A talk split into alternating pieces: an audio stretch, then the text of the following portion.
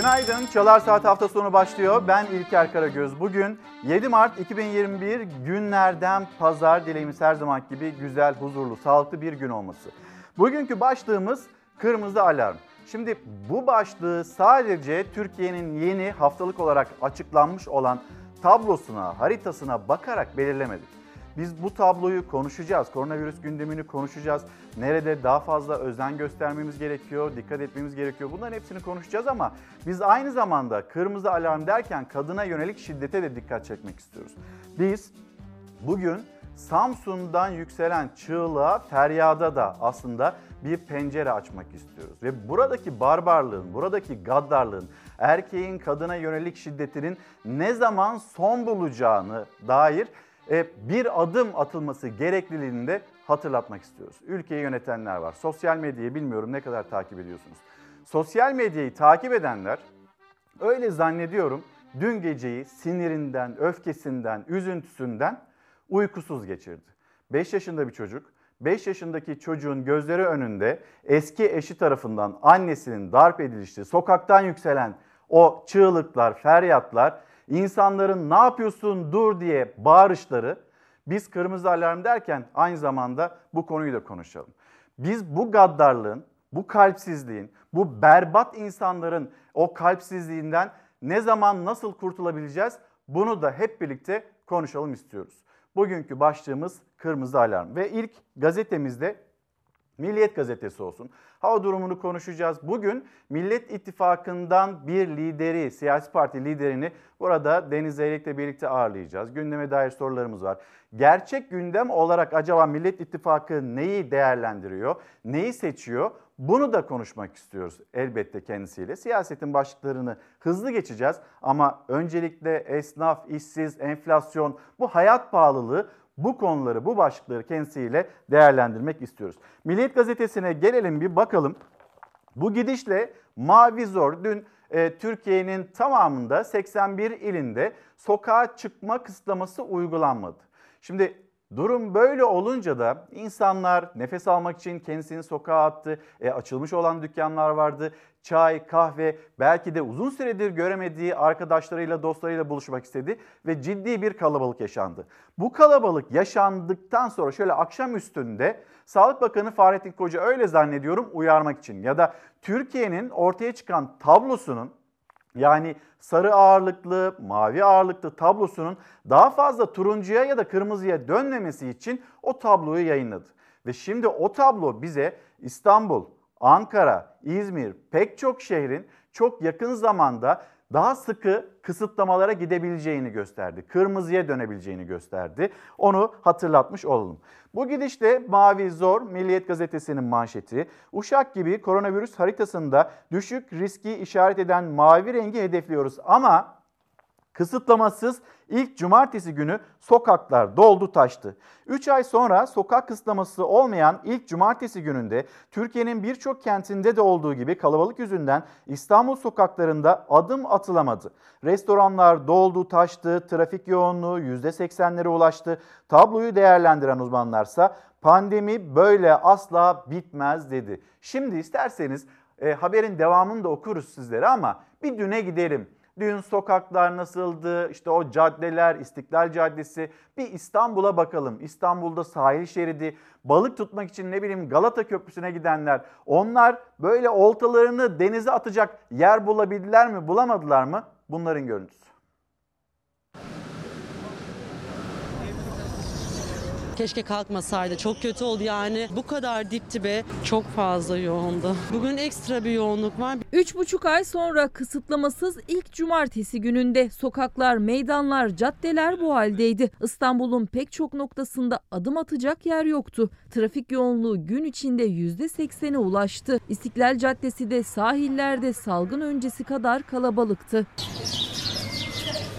İstanbul'da hem toplu taşımada hem de trafikte yoğunluk yaşanıyor. Cumartesi günü işi olanlar ya da sadece gezmek için dışarı çıkanlar bu kalabalığa girmek zorunda kalıyor. Yoğun muydu? Bayağı yoğun. Artık milleti durduramayız evinde. Kimse durmadı evinde. Düşük ve orta riskli illerde hafta sonu sokağa çıkma kısıtlaması tamamen kaldırıldı. İstanbul gibi yüksek ve çok yüksek riskli illerde ise sadece pazar günleri yasak var. Yani cumartesi günleri artık tüm illerde sokağa çıkmak serbest.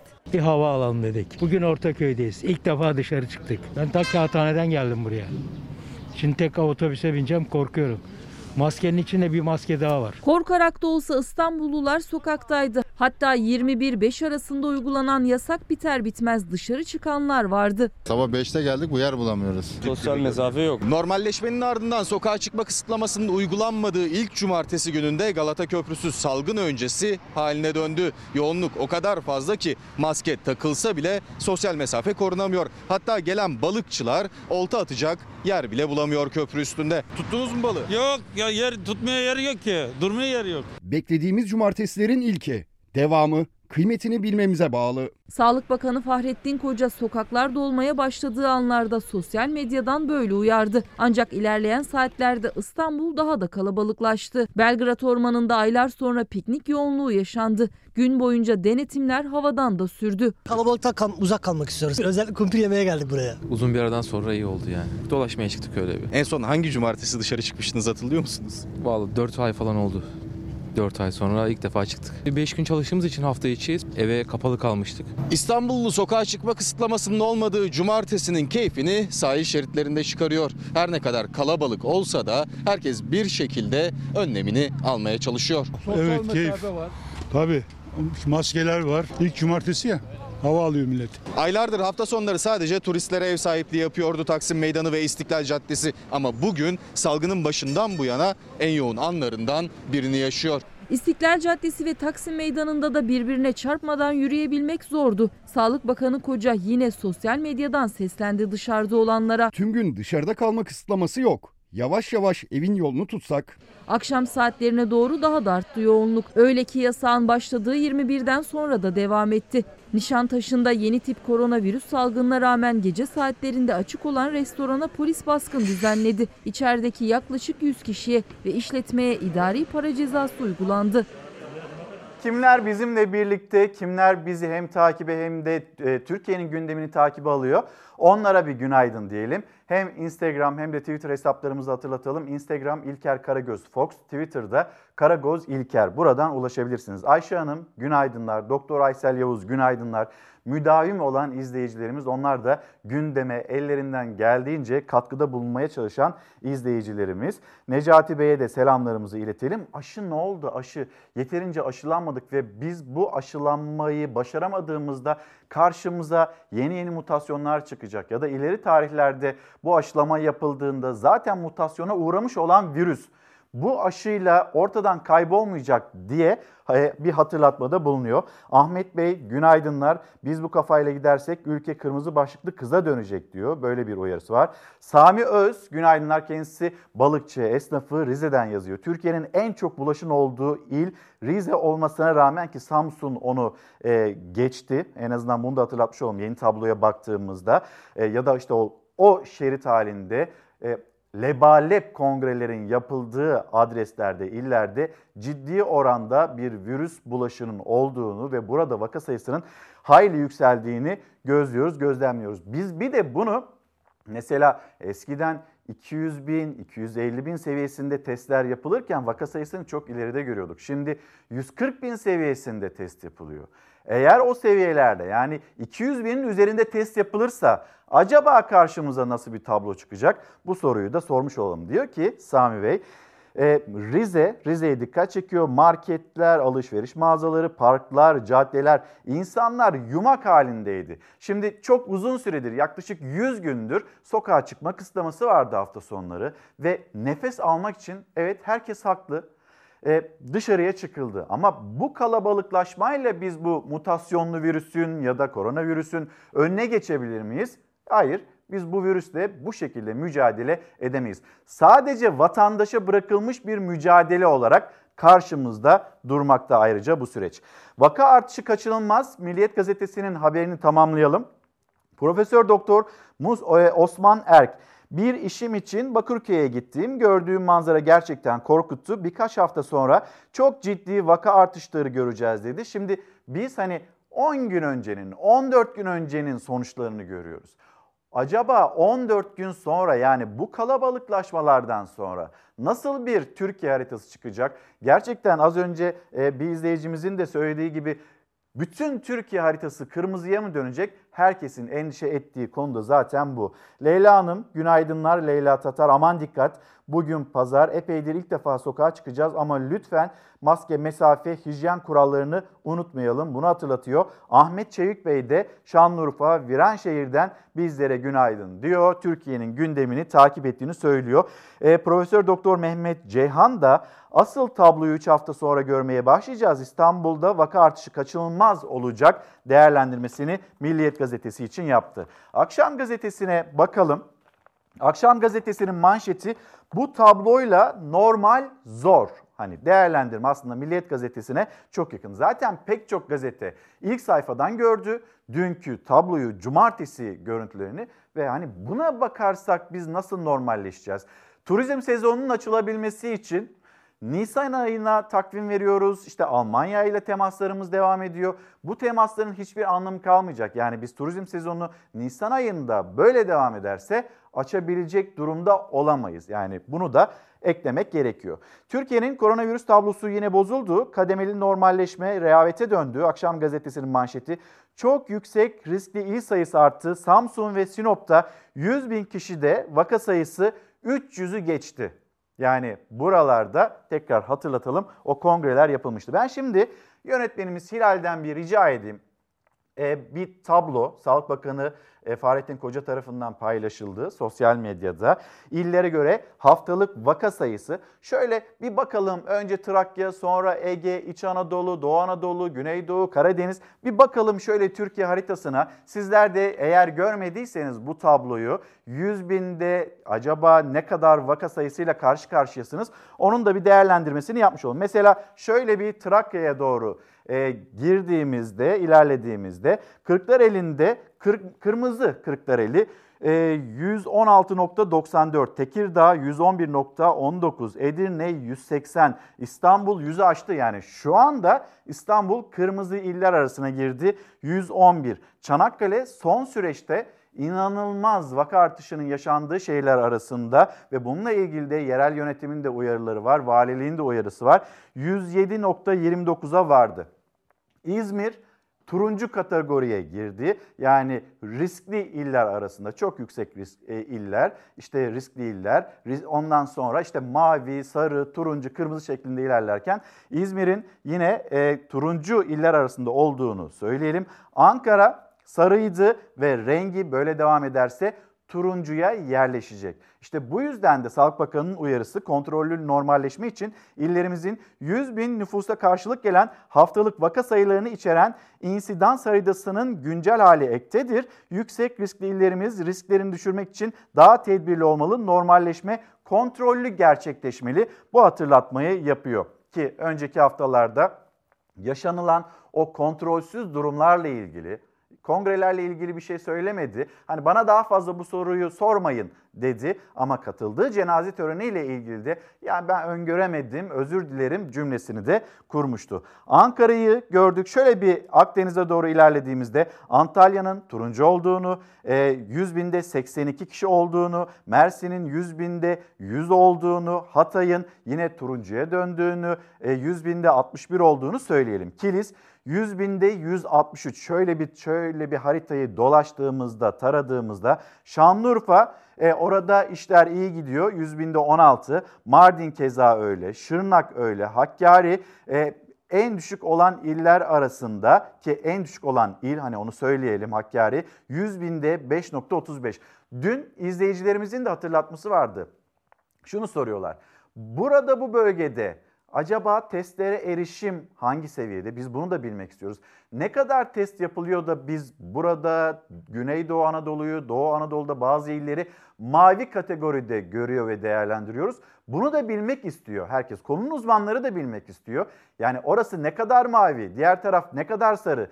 Gerçek harita bu mu? Herkesin aklında şüphelerde bulunuyor. Erzincan 100 binde 31, Erzurum 100 binde 52, Giresun, Trabzon, Rize, Artvin, Ordu, Samsun, Sinop buralara baktığımızda vakanın inanılmaz bir şekilde arttığını görüyor, gözlemliyoruz. Şimdi yine merak eden izleyicilerimiz varsa haritayı birazdan ekranlarınıza taşırız. Türkiye'yi gösterdikten sonra bir memleket havası diyelim. Memleket havasını paylaşalım sizlerle. Sonra da haberlerimize devam edelim. Hafta sonuna birden düşen hava sıcaklıklarıyla giren Karadeniz pazarı da karla karşıladı. Kastamonu'da kar yağışına yoğun sis eklendi. Görüş mesafesi 10 metreye kadar düşünce sürücüler zor anlar yaşadı.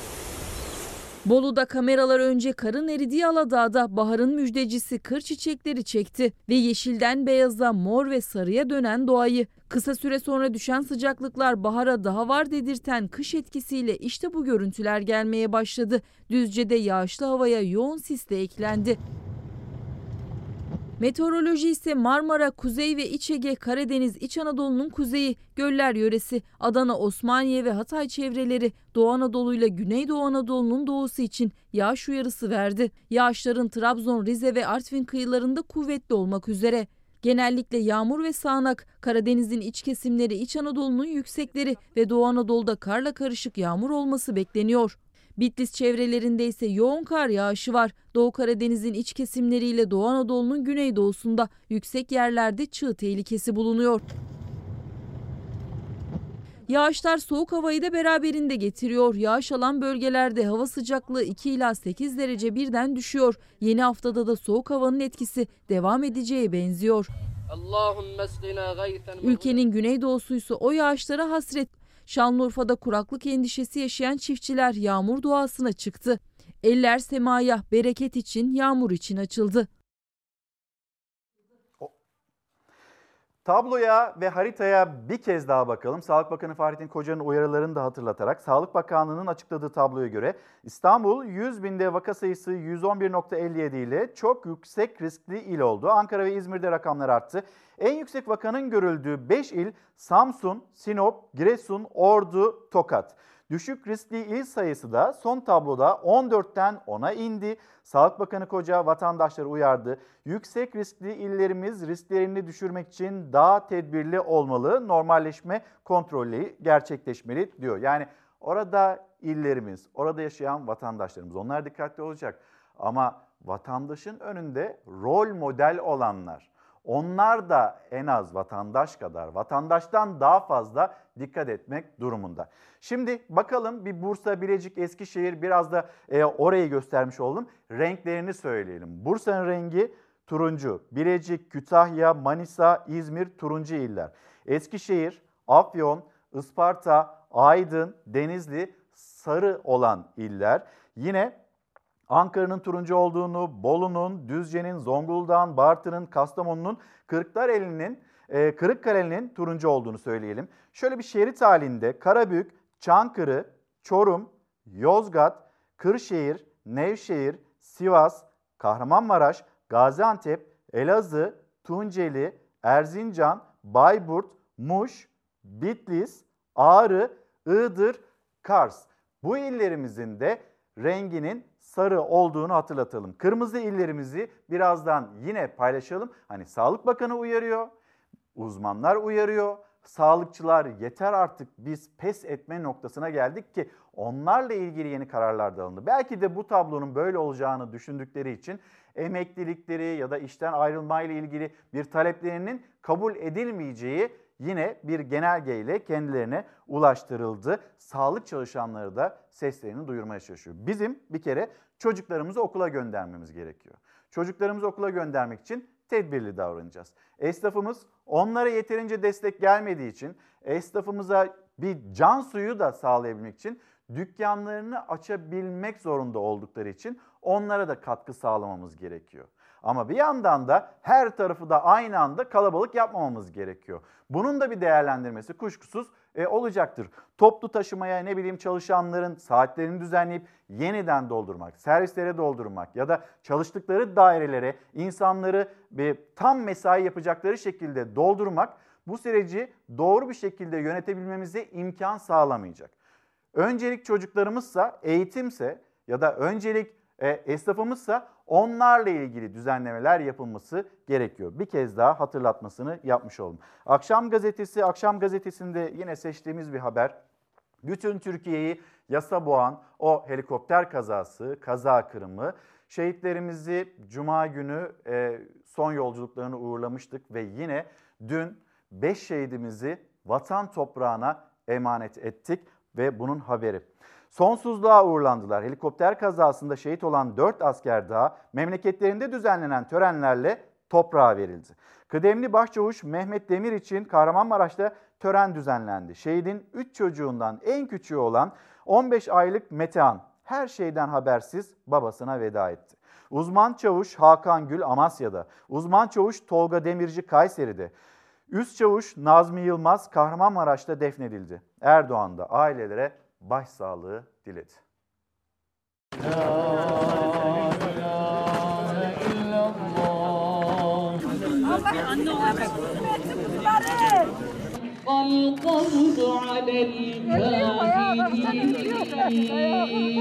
Kahramanmaraş, Afyonkarahisar, Kayseri, Amasya.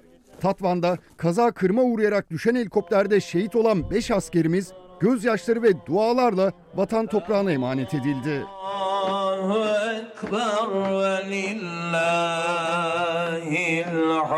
Kahramanmaraş iki şehidini bağrına bastı. 49 yaşındaki Assubay Kıdemli Başçavuş Mehmet Demir evli ve 3 çocuk babasıydı. Şehit Mehmet Demir'in cenaze namazını dayısı emekli müftü Ahmet Çelik kıldırdı. Dualarla toprağa verildi. Şehit Topçu Assubay Kıdemli Çavuş Nazmi Yılmaz memleketi Kahramanmaraş'ın Afşin ilçesinde toprağa verildi. Afşin Devlet Hastanesi morgundan alınan 28 yaşındaki şehidin cenazesi helallik alınmak üzere önce baba ocağına getirildi.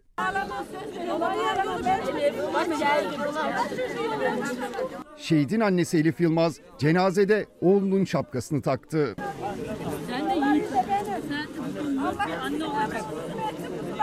29 yaşındaki şehit teknisyen Assubay Kıdemli Çavuş Şükrü Karadire'in al bayrağı sarılı cenazesi memleketi Afyonkarahisar'da gözyaşlarıyla karşılandı. Şehit Şükrü Karadirek bir buçuk yıl önce evlenmişti. Acılı eşi 5 ay önce dünyaya gelen oğluyla karşıladı şehidini. Hak ve hukuklarınızı helal eder misiniz? Bütün milletimizin başı sağ olsun. Rabbim böyle acılarla bizleri bir daha karşılaştırmasın. Şehit Şükrü Karadirek gözyaşları ve dualarla toprağa verildi. Uzman çavuş Hakan Gül'ün cenazesi de memleketi Amasya'nın Doğantepe köyündeki baba ocağına getirildi. Ailesi şehidin Türk bayrağına sarılı naaşını hoş geldin diyerek karşıladı. Hoş geldin abi. Abi hoş geldin. Gururum hoş geldin. Piyade uzman çavuş Hakan Gül evli ve iki çocuk babasıydı. 45 yaşındaki şehit cenaze töreninin ardından toprağa verildi.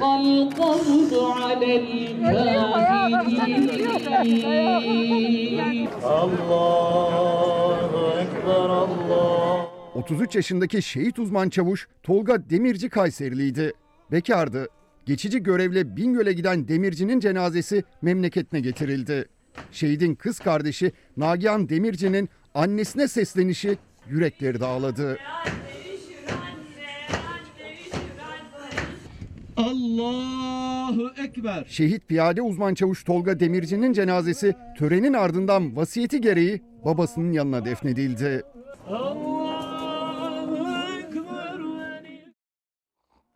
Efendim devam ediyoruz Çalar Saat hafta sonunda. Az önce de söylediğim üzere bir misafirimiz olacak. Sözcü gazetesi yazarı Deniz Zeyrek'le birlikte diye Deniz abiyle Demokrat Parti lideri Gültekin Uysal'ı ağırlayacağız. Günaydın. Günaydın. Hoş geldiniz efendim. Hoş bulduk. Ben de iyi yayınlar diliyorum. Çok sağ olun, teşekkürler. Efendim şimdi ekonomiyi konuşacağız. Ekonomi başlıkları ya da hani siz sokağa geziyorsunuz, esnafa dolaşıyorsunuz.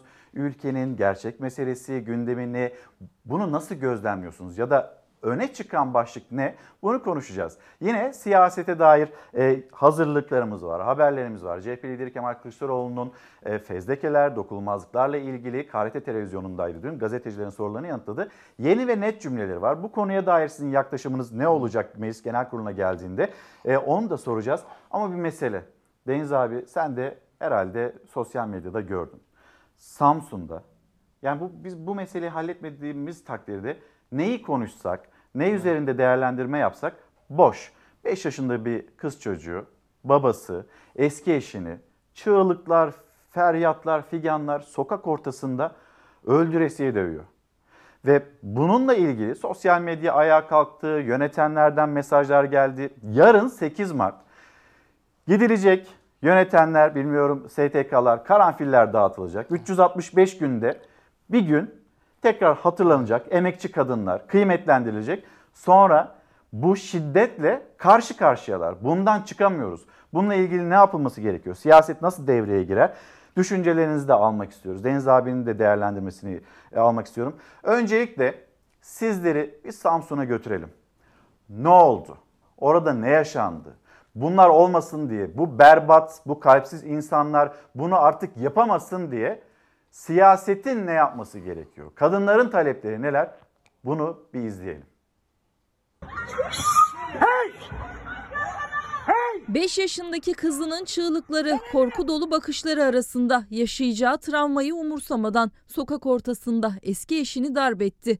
Adalet Bakanı Abdülhamit Gül yanına kar kalmayacak dedi. Samsun'da kadına karşı şiddetin en aşağılık örneklerinden birinin sergilendiği olay hakkında soruşturma başlatıldı. Başsavcılık talimatıyla fail yakalanarak gözaltına alındı. Hukuk gereğini yapacak, failin yaptığı yanına kar kalmayacak. Samsun Canik'te yaşayan 25 yaşındaki EM 3 yıl önce boşandı İbrahim Z ile. 5 yaşında bir de kızları vardı. İddiaya göre İbrahim Z vakit geçirmek için aldığı kızını annesine teslim edecekti. Buluşan eski eşler arasında tartışma çıktı. Öfkeden gözü dönen İbrahim Z genç kadını sokak ortasında tekmelemeye başladı. Devamlı yapıyor. Arada yapıyor işte. Arada geliyor. Yokluyor bizi. Yani ne bileyim işte devlet bunu savunmaması lazım. Babanın iddiasına göre bu ilk değildi. Görüntüler sosyal medyada hızla yayıldı. Siyasi isimler olaya müdahil oldu. Kadına şiddetin son bulmadığı, her gün binlerce kadının şiddete maruz kaldığı, öldürüldüğü, şanslı olanların hayatta kaldığı her gün gibi 8 Mart Dünya Kadınlar Günü'ne bir gün kala da kadına şiddet haberleriyle sarsıldı Türkiye. Şanslı olmayanlardan biri de Denizli'de yaşayan 26 yaşındaki Fatma Kaydı. 5 ay önce boşandığı eski eşi Osman Ağa tarafından av tüfeğiyle vuruldu. Hayattan koparıldı. Bir de diyorlar ki arkadaşlar kadın cinayetleri azalıyor diye söylüyorlar. Müjde veriyorlar. 24 saat geçmeden 3 kadın kardeşimiz öldürüldü. Evli oldukları erkekler tarafından öldürüldü. İstanbul Güngören'de yaşayan bir çocuk annesi EA boşanmak istediği eşi tarafından silahla vuruldu. Ağır yaralandı. Kayseri'de ise Nuranka çocuklarının gözü önünde öldürüldü. Onu vuran bir hafta önce boşandığı eski eşiydi. Şüpheli kadın ölümü diyoruz ya. Asıl adı onun şüpheli bırakılan kadın ölümü. Kadın Cinayetlerini Durduracağız platformunun raporuna göre son bir yılda 303 kadın cinayete kurban gitti. Son bulmayan şiddete, cinayetlere dur demek için İstanbul Beşiktaş'ta bir aradaydı kadınlar. 8 Mart Dünya Kadınlar Günü öncesinde bir kez daha seslerini yükselttiler. Gerçeklerin açığa çıkması için, gerekli adaletin sağlanması için, devletin görevini yapması için elimizden ne geliyorsa yapacağız.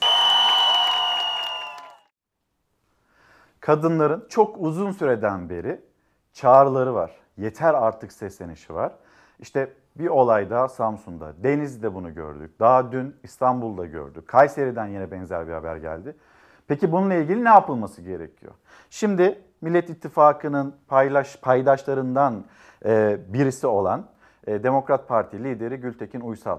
Efendim bir kez daha hoş geldiniz. Hoş bulduk. Gördünüz yani bununla ilgili ne yapacak siyaset? Artık ne yapılması gerekiyor?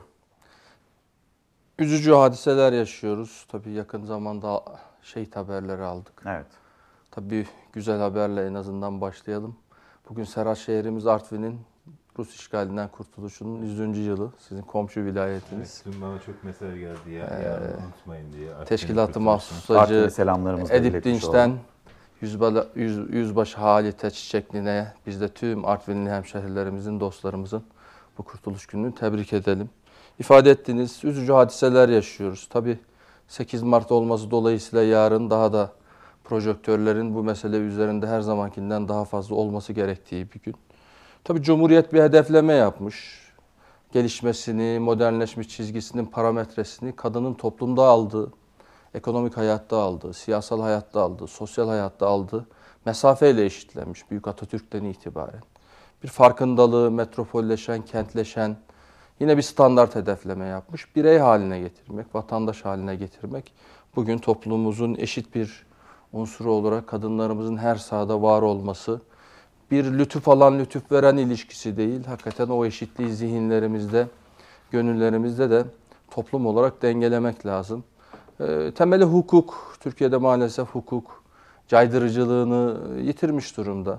Ama sadece hukukla değil bir toplumsal değer yargısı üretmek durumundayız. Buna karşı sadece bugünler vesilesiyle değil, bu hadiseler olunca değil, genel olarak her hadisede toplumun duyarlı her kesimi olduğu kadar sözü, hareketi, davranışlarıyla siyasi önderlerden, toplum önderlerine, gazetecilere, televizyonculara hepimizin, hepinizin e, bu husus üzerinde bir değer yargısını kuvvetli bir şekilde altını çizmek gerekiyor. Deniz abi yani şiddetin sıradanlaşması yani en korkutucu olan da bu zaten. Yani sen ne dersin? Ben işte sabah gelmeden gazetelere bakıyorum. Ee, maalesef üçüncü sayfalarda küçük küçük haberler. Eşini öldürdü. Boşanmak isteyen eşini vurdu. Ayrılmak isteyen sevgilisini işte e, yaraladı vesaire gibi onlarca haber var. Yani Sayın Genel Başkan'ın söylediği o kısım önemli. Eşitlik meselesini e, sindirememiş bir güruh var hala. Yani memlekette bütün Cumhuriyet devrimine rağmen, bütün bu hukuki altyapıya rağmen hala kadınla erkek eşit değildir diye düşünen, e, bu, bu tür şeyleri kendine hak gören bir güruh var. Yani bizim o güruhtan kurtulmamız lazım. Hukukla oluruz ama dediğiniz gibi en önemlisi de zihniyet. Evet. Yani e, o zihniyet nasıl değişir? E, onu konuşmak lazım, onu tartışmak Zihinlerde lazım. herkesin ortak kabulü haline gelmiş bir değer yargısını üretmek mecburiyetindeyiz. Bir Önemli de ölçüde üretmişiz ama Yaptıkları yanına kar kaldıkça ya da hukuk, adalet burada bambaşka caydırıcı önlemler almadıkça, alamadıkça biz artık böyle sosyal medyanın adaleti diye bir şey konuşuyoruz. Aslında burası da çok sorunlu. Bütün Tabii. Türkiye ayağa kalktı. Tabii tweet atıyorsun, cezaevine giriyorsun. Ee, kadını hastanelik ediyor, kadını işte dövüyor herkesin gözü önünde. Gidiyor, ifadesi alınıyor, serbest bırakılıyor. Türkiye'deki her mesele gibi bu da işte sosyal medyanın kadrajına onlarca yüzlerce hadise oluyor. Hangisi girebiliyor? Türkiye'deki pek çok diğer hadiseler olduğu gibi maalesef bugün diğer siyasi meselelerde de yani AK Parti Genel Başkanı Sayın Erdoğan'ın kadrajına meseleyi sokamaz isek ne meclis gündemine taşıyabiliyoruz ne Türkiye gündemine taşıyabiliyoruz. Bu meselede de maalesef işte televizyonlarda bir takım programlar var. Program ismi zaman zaman latife yapıyorum. Yani o program yapanları mı acaba Adalet Bakanı yapsak? Çünkü e, maalesef vatandaşımız adliyelerde hukuk, adalet aramaktan bu programlarda arar hale gelmiş. O da işin acı bir tarafı. Doğru. Efendim şimdi e, bu konuyu konuşalım. Lütfen siz hani siyasetçi olarak mecliste daha fazla gündeme getirin. Millet İttifakı, Cumhur İttifakı bu, bu partiler üstü bir mesele. E, daha fazla konuşulsun ve artık ne yapılması gerekiyorsa yapılsın. Yeter artık demekten dilim, dilimizde tüy bitti. Ve bunun mağduru kadınlar senede bir kez bir gün hatırlanmaktan da artık e, bir kıvanç, mutluluk duymuyorlar. Fezlekeler konusuna gelecek olursak CHP lideri Kemal Kılıçdaroğlu'nun bu konuya dair yeni açıklamaları var. Hemen bir e, sizlerle izleyicilerimizle paylaşmış olalım. Demokrat Parti fezlekeler, HDP'li milletvekillerinin dokunulmazlığı ile ilgili net cümleler isteyeceğiz kendisinden. Ne düşünüyor Gültekin Uysal? Kılıçdaroğlu'nun cümlelerinden sonra kendisine soracağız. Gerçekten sağlıklı, tutarlı, e, hukukun üstünlüğüne ve vicdani kanaate göre bir karar verilirse bir mahkemede bir yargı düzeni olursa dokunulmazlığı kaldırırsınız. Böyle bir ortamda eğer siz dokunulmazlığın kaldırılmasını evet derseniz böyle bir ortamda evet derseniz demokrasiye ihanet etmiş olursunuz. CHP lideri Kemal Kılıçdaroğlu bu sözlerle çizdi kırmızı çizgilerini. HDP'li milletvekillerinin fezlekeleri ve parti kapatma tartışmalarına karşı ana muhalefetin tavrını, duruşunu netleştirdi. HDP'yi kapatarak 6-6,5 milyon kişiyi cezalandıracaksanız e, bunun adı demokrasi değil. İktidar kendisine oy vermeyen bütün Kürtleri cezalandırmak istiyor. Bahçeli kesinlikle HDP'nin kapatılmasını istiyor. Ama gördüğüm ve anladığım kadarıyla ve duyduğum kadarıyla gelen bilgiler e, AK Parti'nin bu kadar sert bir e, çıkışın doğru olmadığı yönünde e, çalışmalar, çalışmalar değil de düşüncesi var. Biz parti kapatarak ne elde ettik bugüne kadar? Ne elde ettik? Hiçbir şey elde edemedik. KRT televizyonunda gazetecilerin sorularını yanıtladı Kılıçdaroğlu. HDP'li vekillerin dokunulmazlıkları üzerinden yükselen tartışmaya siyaset mühendisliği dedi. Sorusunu yineledi. Kobani fezlekelerini 6 yıl neden beklettiniz dedi. İyi Parti'yi kendi yanımıza alıp e, Cumhuriyet Halk Partisi'ni öbür tarafa itebilir miyiz diye. Hayır kavga etmeyiz. Kavga etmeyiz. E, İyi Parti de demokrasi istiyor, biz de demokrasi istiyoruz. Onlar da güçlendirilmiş parlamenter sistemi istiyor. Biz de güçlendirilmiş parlamenter sistemi istiyoruz. Ve erken seçim beklentisi. Sayın Bahçeli ya ben sana bu kadar destek verdim. Türkiye'yi düzelt dedim. İşsizliği azalt dedim. Efendim demokrasiyi getir dedim. Sen bunların hiçbirisini yapmadın. E, ben de şimdi kusura bakma artık desteğimi çekiyorum dediği anda erken seçime gidilir. İnşallah sonbaharda seçim kararı alırlar da e, Mart'ın sonu bahar olur gene. Efendim şimdi Sayın Kılıçdaroğlu'nun cümlelerini duydunuz. Deniz abi e, ne dersin? Ben şunu soracağım. Şimdi Sayın Cumhurbaşkanı dedi ki Millet İttifakı böyle çil çil dağılıyor işte şey dökülüyor. E, Bu mesele de zaten hani Millet İttifakı'nı bölmek için kullanılan bir enstrümana döndü. E, Sizce dağılıyor mu ve bu HDP fezlekeleri e, Millet İttifakı'nı sarsar mı, bozar mı? Sayın Cumhurbaşkanı temennisini ifade etmiş ama ben öyle bir tablo görmüyorum. İfade ettiniz. Bu tür e, tartışmalı başlıkların temel amacı Sayın Kılıçdaroğlu'nun da ifade ettiği gibi mühendislik var. Biz tabii bugün siyasal rekabette her meseleyi bir cephane haline getirdiğimiz gibi bu tür meseleleri de biraz zaman ayarlı, iktidarın ihtiyaçına, zamanlamasına göre Türkiye'nin gündemine getiriyoruz. Geçmişte çok tartıştık değil mi?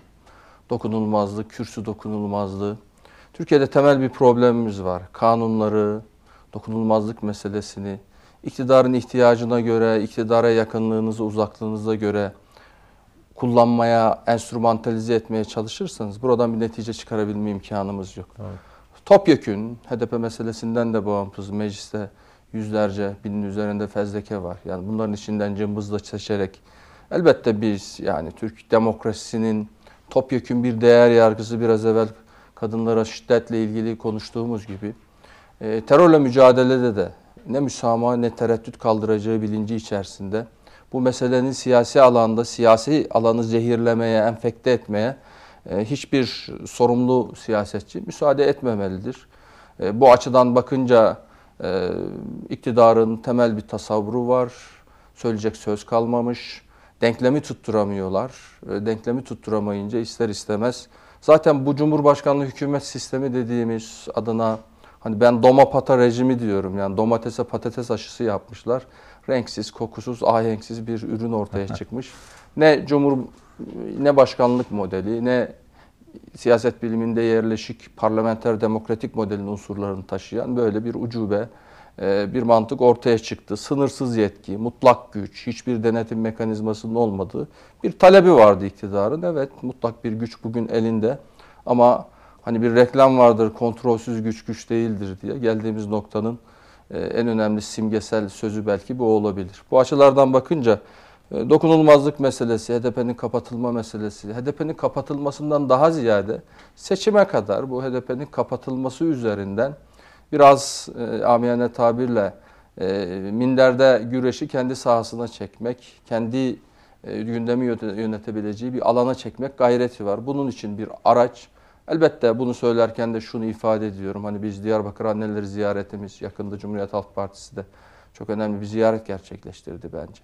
Orası hiçbir siyasi partinin sahası değil. Hepimizin ortak duygusu bu ülkede demokrasiyi ortak bir değer haline getirmiş ve demokratik rejim içerisinde nefes alıp veren tüm siyasi partiler gibi tüm siyasi aktörler de bunu bir ortak kabul haline getirmek mecburiyetinde. Orada da ifade ettim. Siyasi partiler sırtını terör örgütlerine dayamaz. Dayayacağı yer millettir, milli iradedir. Bu açıdan bakınca e, biz bütün bu meselelerde bir topyekün anlayış içerisinde değiliz elbette. Büyük Millet Meclisi'nde e, bir başka boyutu e, hatırlıyoruz hepimiz. Sayın Cumhurbaşkanı, AK Parti Genel Başkanı Sayın Erdoğan ben bu yargıya güvenmiyorum demişti. Doğru. Yani işinize geldi mi nimetler cebe, işinize gelmedi mi külfetler başkasının hanesinde olduğu gibi demokrasi, hukuk işlerine geldi mi onların lehine işliyorsa kabul bir anlayışı var. Bugün Türkiye'nin en temel problemi orada. Anayasaya işte Anayasa Mahkemesi'ni tartıştık bu ülkede. Yani Sayın Bahçeli'nin kapatılsın gibi laflarını da duyduk. Bu açıdan bakınca meselenin e, özü demokrasiye, hukuka, konjektürel bir program olarak mı bakacağız? Bu ölçüleri zamana, şartlara göre, ihtiyacınıza göre. Bu HDP dün eline mektup verip e, dağa gönderirken terörist değil de bugün mü terörist? O gün de. Hem de kanun çıkarılmıştı. E, yani işte e, eş genel başkanları Pervin Buldan diyor yani açıklarım diyor. Biz de vatandaşlar olarak, sorumlu siyasetçiler olarak bu hususta açıklamalarını bekliyoruz. Peki e, Gültekin Bey mesela işte basın özgürlüğü gündeme geldi. İnsan hakları eylem planı 19 yıl sonra hani AK Parti'nin e, gündemine geldi. Bu böyle bir itiraf mı, taktiksel mi, gündemde tartışılsın ama hani ekonomi başlığı da biraz böyle gerilerde kalsın denilen bir başlık mı? Ne dersiniz? Hoş bir şeyle başlayalım. Levent Yüksel'in güzel bir e, şarkısı vardı. Bana güvenme sakın diyor. Sabıkam ihanetten diyor. Şimdi bu tür hadiselerde iktidarın sabıkası kabarık maalesef. E, tam e, altını siz, siz, siz çizdiniz. Taktiksel, konjektürel bir söylem üstünlüğü elde etmek. Önce reform dedik. Toplumda bir aksi sedası yok. Bırakınız anayasa değişikliğini yeni bir anayasa dedik. Yani yeni bir anayasayı ne meclis tablosundaki temsiliyet tablosuna baktığınızda ne siyasal iklim bir anda her tür hakareti yapacaksınız değil mi? Sabah akşam CHP Genel Başkanı Sayın Kılıçdaroğlu'na değil mi?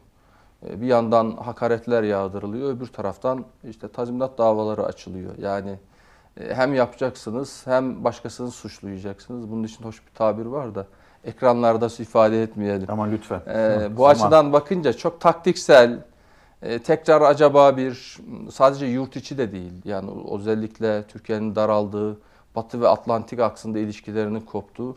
Acaba yeniden bu evrensel dili konuşabilir miyiz?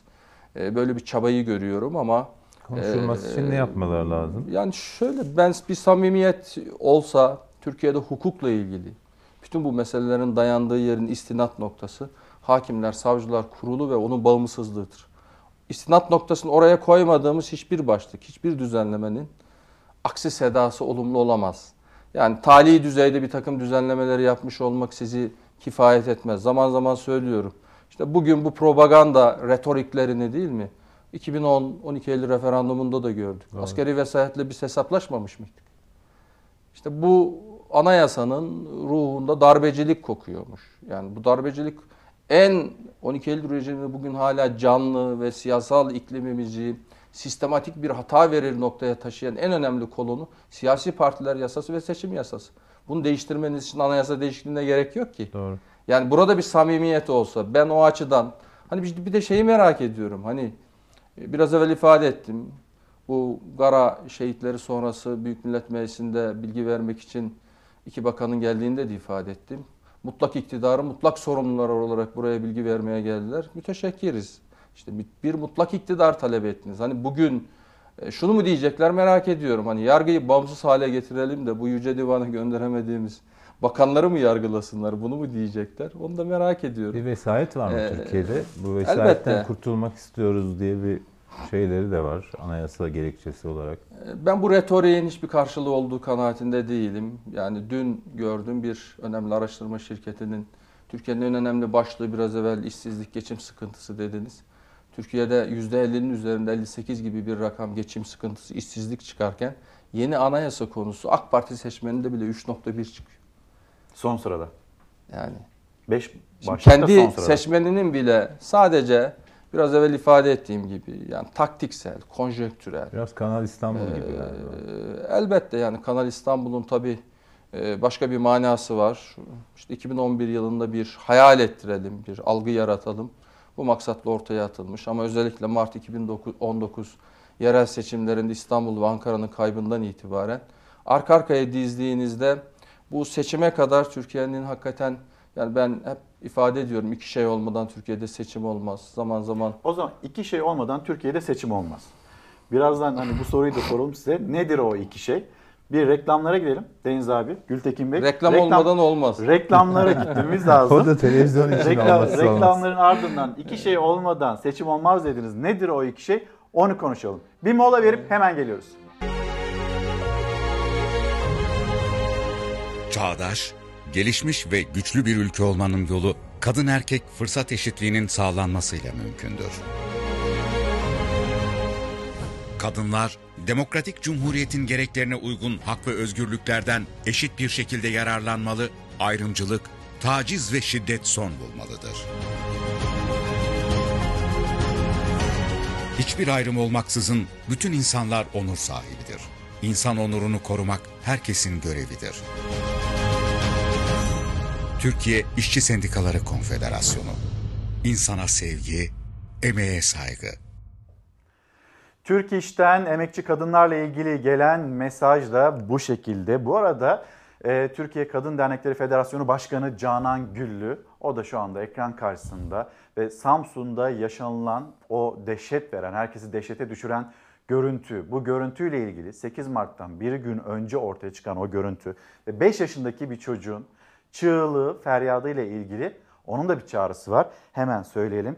İnsanlıktan nasibini almamış, yasalardan bir haber koca, eski koca, baba ve arkadaş tanımlı erkekler tarafından yurdun dört bir yanında kadınlar şiddet görüyor ve katlediliyorlar.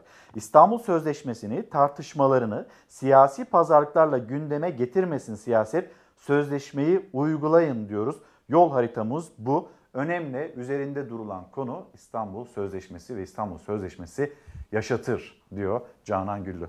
Efendim şimdi e, yine başka başlıklara geçelim istedik. Yani ekonomi, siyaseti biraz konuştuk ama tam da böyle reklama gitmeden önce sizin söylediğiniz bir cümle. İki şey olmadan seçim olmaz. Onu biraz daha öteleyeyim. Size sormak istiyorum. Deniz abi sana da sorayım aynı zamanda bunu. Türkiye'nin en acil sorunu nedir? Seçmenin gözünde, vatandaşın gözünde. Bir, geçim sıkıntısı, işsizlik. İki, pandemiyle mücadele. Üç, terör ve güvenlik. Dört, eğitim. Beş, yeni anayasa. Ne dersiniz? Siz yanıtı biliyorsunuz. Deniz abiyle başlayayım. İşsizlik. İşsizlik ve geçim, Geçim sıkıntısı. Evet. Buradan devam edelim mi? Yani siz sokağa çıkıyorsunuz, esnafla görüşüyorsunuz. Onların size ilettiği nedir? Türkiye'nin gerçek gündemi sıralamasıyla ifade ettiğiniz hususlar. Türkiye'de tabii pandemi dolayısıyla kısıtlamalar getirip dükkanları kapattık, kepenkleri indirdik demeniz yetmez. İcabı var. Hani Türk Toprak Mahsulleri Ofisi için bir sloganımız vardı. Yani çiftçinin kara gün dostudur derdik. Devlet de bu ülkede her vatandaşın teminatıdır.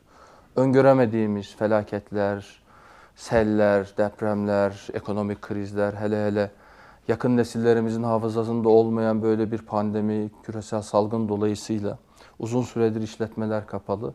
Burada devlet olarak siz vatandaşın en zor gününde yanında olmak mecburiyetindesiniz. Devletin varlık sebebi budur. Olabildi mi? Maalesef olamadı. Sebebi de gayet net. Yedek akçelerini tüketmiş, bütün imkanlarını, kaynaklarını kötü yönetmiş. Yaza göre hep hesap Ama bu yapmışız. konuda hiç ödün vermemiş. Yani geçmeyen arabalar için köprülere, otoyollara milyarlarca Yok. Lira. evet abi oku- okur musun diyecektim ben de. Sözcü gazetesi Yani manşeti. Avrasya Tüneli'nden e, hedef 24 milyon, geçen araç sayısı 12 milyon. Yarı yarıya yani. O noktada çok istikrarlılar. Yani hani bizde e, zenginden alıp fakire verecek e, vereceğiz diye vaat eder e, maalesef bu iktidarda ama bugün fakir fukaradan alıp maalesef Türkiye'de bir çeteleşme var. Adını koymak lazım artık bu işin. Yani kravatlı bir soygun var. Bugün sayısını bizim bile hatırlayamadığımız değil mi? Artık hepimizin kanıksadığı. Yani Türkiye'nin en temel problemlerinden birisi kaynak etkinliği, bütçe, hatır sayılır bütçelerimiz var. Kaynakları ayırıyoruz ama kamu kaynaklarının doğru hedefe, doğru önceliklerle kullanımına baktığınızda maalesef o etkinliği göremiyoruz. Hele hele bu kamu özel işbirliği anlaşmaları da maalesef kamu özel e, işbirliği adı altında maalesef milletimizin geleceğinin ipotek altına alınması. Türkiye'nin kaynaklarını ki şöyle bir çarpıklık var. 19 yıllık süreç içerisinde Adalet ve Kalkınma Partisi'nin ben küresel kapital düzenden şöyle bir rol aldığı kanaatindeyim. Türkiye'nin hiçbir kalkınma stratejisi olmadan, hiçbir önceliği, hiçbir korunma mekanizmaları olmadan küresel kapital sisteme bir tüketici unsur olarak entegre etmek ve bunun üzerinden sen Pazar hakkını yani. almak. Bunu Şeyde da aldılar. vardı, Avrupa Birliği ile Evet. ortak pazar. Onlar pazar, Siz onlar ortak, olun, biz pazar. pazar olalım. Ama şimdi öyle diyorsunuz da yani siyaseten mi söylüyorsunuz bunu yoksa hani vatandaş izlenimiyle mi söylüyorsunuz? Çünkü Cumhurbaşkanı pandemide büyüyen az sayıda ülkeden biriyiz dedi. %1.8'lik büyüme var. Bir ay hedefi koyuyor e, Sayın Bu nasıl büyüme ki uzay hedefi. insanımızın geliri bugün Türkiye Cumhuriyeti'nin işte 2020 sonu itibariyle gayri safi milli hasılası 2008'in bile gerisine düşmüş. Doğru. Yani kişi başına düşen gelir ortada değil mi yani? 8599 dolara gelmiş. 2019 yılında 9213 dolarken 2020 yılında 8599 dolar. Türkiye'de büyümeyle Dolar istihdamın. Ha, dolar yükseldiği için belki de ondan. Türkiye'de büyümeyle istihdamın bağı zaten e, çok e, çoktandır koptu. Yani büyüme rakamlarının istihdam yaratma kapasitesine bakın yarı yarıya Türkiye'de. Sebebi de tercih ettiğiniz ekonomik politika. Türkiye gibi küresel iklimden deyim yerindeyse selin önünden kütük kapmak misali bir yanda üretecek, bir yanda dünyada bu iklimden refah transfer edecek değil mi? Bugün dilimize pelesenk ediyoruz işte beşeri sermayemiz diyoruz, genç diyoruz. Türkiye'nin bu rekabette yer alabilmesinin tek bir motivasyonu var. İşte Boğaziçi tartışmalarını yaşadık değil mi? Ee, Türkiye'nin en temel problemi şu, yetişmiş insan gücü ve belirli ölçeğin üzerindeki sermayesi maalesef hukuk güvenliği, hukuk teminatı, mülkiyet teminatı olmadığı için bu ülkede bir gelecek hayali kuramaz durumda. Ve bugün yerli ve milli bir ekonomik krizimiz var. Temeli de ekonomilerin artık tüm dünyada olduğu gibi Türkiye'de de en temel yeri hukuk ve demokrasi. Yani bu gerçeği görmeden Siz atacağınız nasıl adımlar. Yerli ve milli Ekonomik kriz var memlekette. Yani görüyoruz bunu. Şimdi bu program vesilesiyle pek çok dostumuz Türkiye'nin pek çok yerinden. Yani Isparta e, önemli bir meyve üretim merkezi. Yani Senirkent, Büyükkabaca, e, elma üreticilerimiz bizi arayıp soruyorlar ki yani bu pandemi dolayısıyla soğuk hava depolarında e, ağzına kadar elma dolu maalesef depoların %60'ında bu yıl üretilen elmanın maalesef tüketilemediği gerçeği ortada. Ama Pazarlar kapatılmış. Şeyde, manavda elma dünyanın parası. E, Türkiye'de bir zinciri maalesef kuramadık. Hatırlıyoruz değil mi? Tanzim marketler nerede? Polat'ta soğan tüccarı kovalıyordu. Bin bir faktörün olduğu piyasada siz baskıyla, talimatlı ekonomi modeli diyeceğimiz aman neymiş gıda enflasyonu yükseliyormuş. İşte gıda enflasyonunu bastıralım. E çıktıları üzerine baskı kurarken girdileri üzerine bir tasavvurunuz var mı? Yok. Geçen Polatlı'ya uğradım. İnsanlar diyor ki üretim maliyetimizin altında bu devlet nerede diyor. Bizi kovalıyordu yani.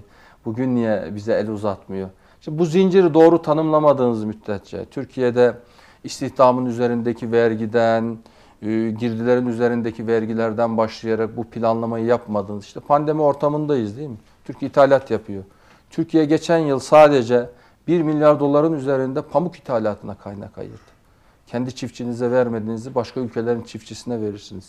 Olağanüstü şartlarda işte Ukrayna, Rusya buğday ihracına bile bir, bir takım kısıtlamalar getirdi. Bütün bunları siz planlamak durumundasınız. Anadolu'nun en büyük, en büyük arazileri de, en kıraç arazilerinde bile buğday üretilir ama bu ülkede üretemez hale getirmişseniz, alın terinin karşılığını alamaz hale getirmişseniz ki ben 2004 yılından itibaren çok bilinçli bir stratejiyle bunun yapıldığı kanaatindeyim. yani ne yapılmak isteniyor tarım konusunda? Kitleler yoksulluğa mahkum edildi. Önce Avrupa Birliği'nin telkinleri, sizin tarımla iştigal eden nüfusunuz çok fazla. Ağacı sallarcasına adeta e, bu nüfusu biz e, büyük şehirlere, metropollere göç ettirdik.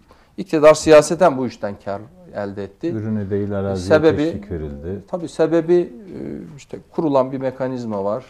Yedeğini aldığı birkaç istisnası dışında dini örgütlenmeler, belediyeler, kamu kaynakları. Siz e, suyun üzerinde nefes alıp verecek kadar yaşayın. Gidin sandıkta da o sadakatinizi gösterin. Kadrolu bir seçmen haline getirin. Bir devlet, bir hükümet olur mu ki kendi vatandaşını çalışmamaya teşvik etsin? Bugün Türkiye'de işte kadın istihdamı konuşuyoruz değil mi? Yani kabaca ortalamasına kadın erkek ortalamasına bakalım. Yüzde 40 işte istihdama katılım oranları yüzde 50 üzerinde erkek, yüzde 30 üzerinde kadınımız. Yani 5 kişiden 2 kişi çalışacak, 5 kişiye bakacak.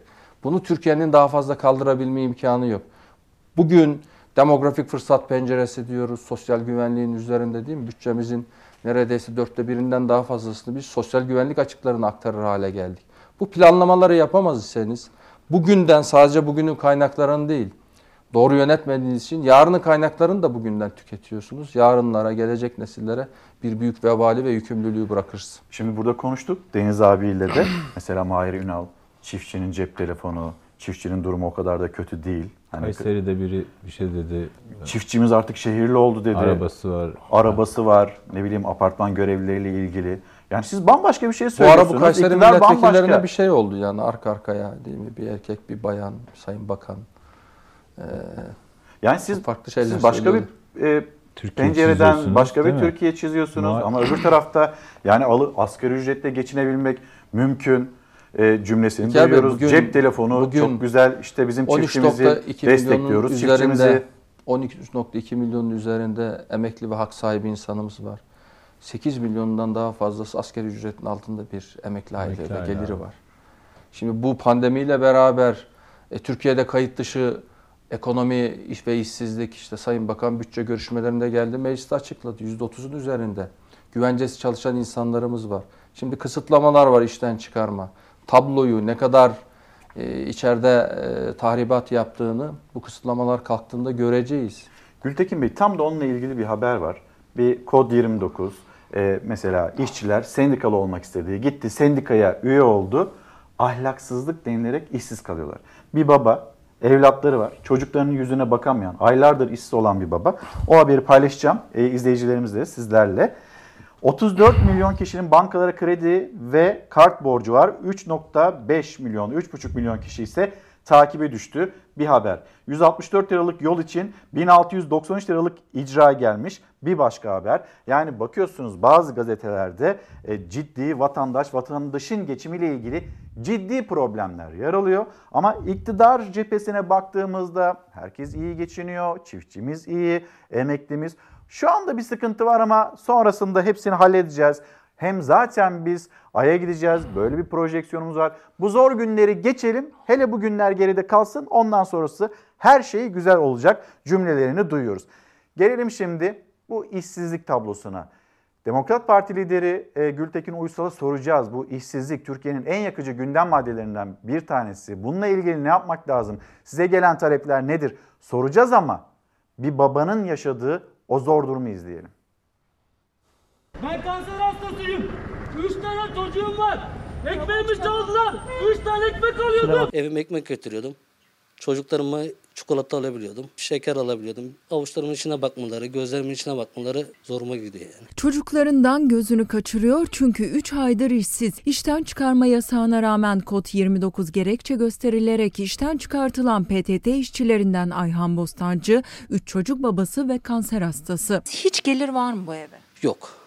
Hiçbir gelir yok. 14 yıldır çalıştığım kurumda yak 10 saniyede işten çıkarıldım. Çalıştığım süre içerisinde hiçbir tutanağım yok, uyarım yok. Ben işten çıkarıldığımda 29 nolu kodun ne olduğunu bilmiyordum. Ayhan Bostancı işten çıkartılırken ilk kez duyduğu o madde nedeniyle yeni bir işte bulamıyor. Çünkü işveren işten çıkarma yasağını yüz kızartıcı suçları kapsayan istisnai kodla deliyor. Kod 29'da işten çıkarılanlar tazminat alamıyor. Sicilleri nedeniyle de yeni bir işe giremiyor. Bu şekilde suçlanmak en büyük zoruma giden bir şey. İş başvurusu da yaptım. Form dolduruyoruz. Yani diyor ben seni bu şekilde çalıştıramam diyor. Sabıkalı gibi bir şey oluyor. Tek başıma olsam belki mücadele ederim. Ekmek alırım.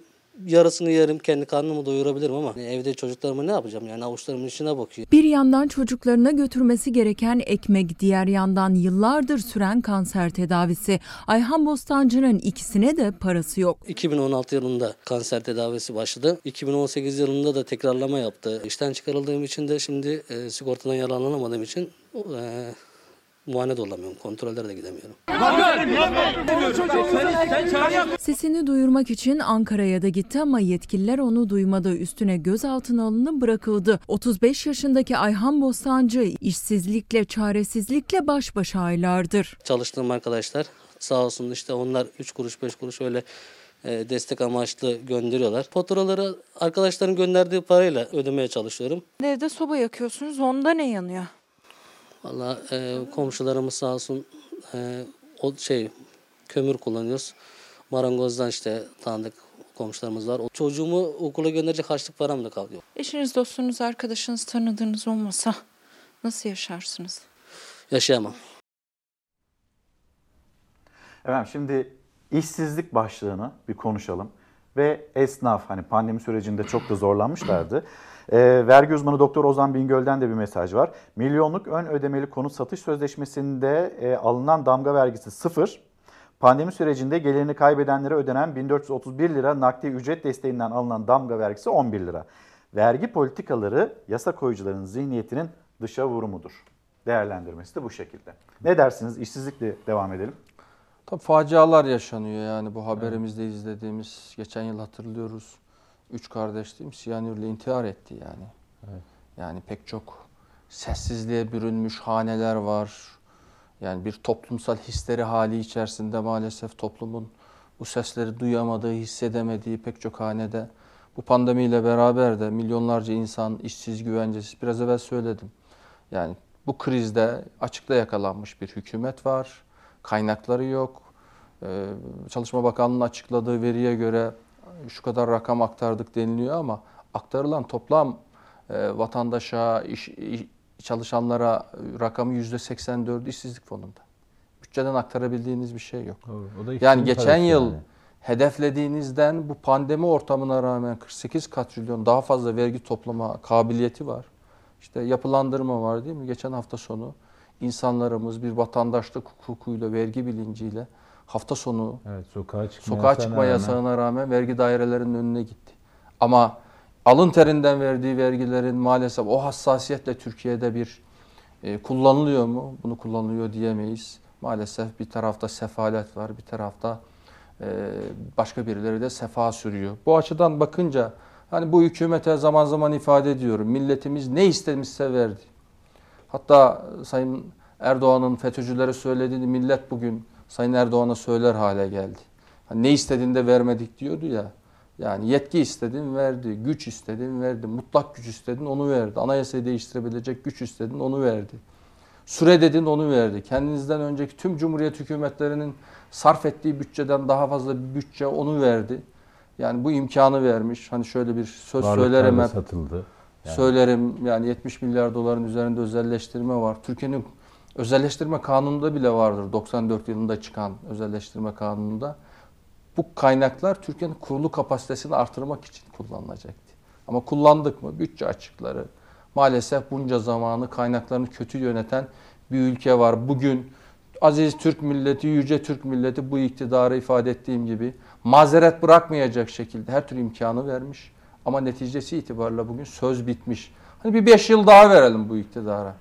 Bugün zaten Millet İttifakı ile Cumhur İttifakı'nın karşılıklı mukayesesini yaptığımızda Millet İttifakı'nın söylem düzeyi ve e, söylem üstünde en temel sebebi bir takım değerler üzerinden. Türkiye'de pek çok kurucu e, değeri bünyesinde barındıran adaletten başlayarak, demokrasiden başlayarak öbür tarafta tek bir şey var. Bir kişi ve şürekasının iktidarını devam ettirmenin ötesinde bir iddia yok maalesef. Bunu bir takım temellendirmelerle yerli milli terör, e, bir güvenlik iklimi oluşturarak sürdürmek gibi bir niyet var. İşte burada da milletimiz mazeret bırakmayacak şekilde yetki vermiş. İban istemiş değil mi?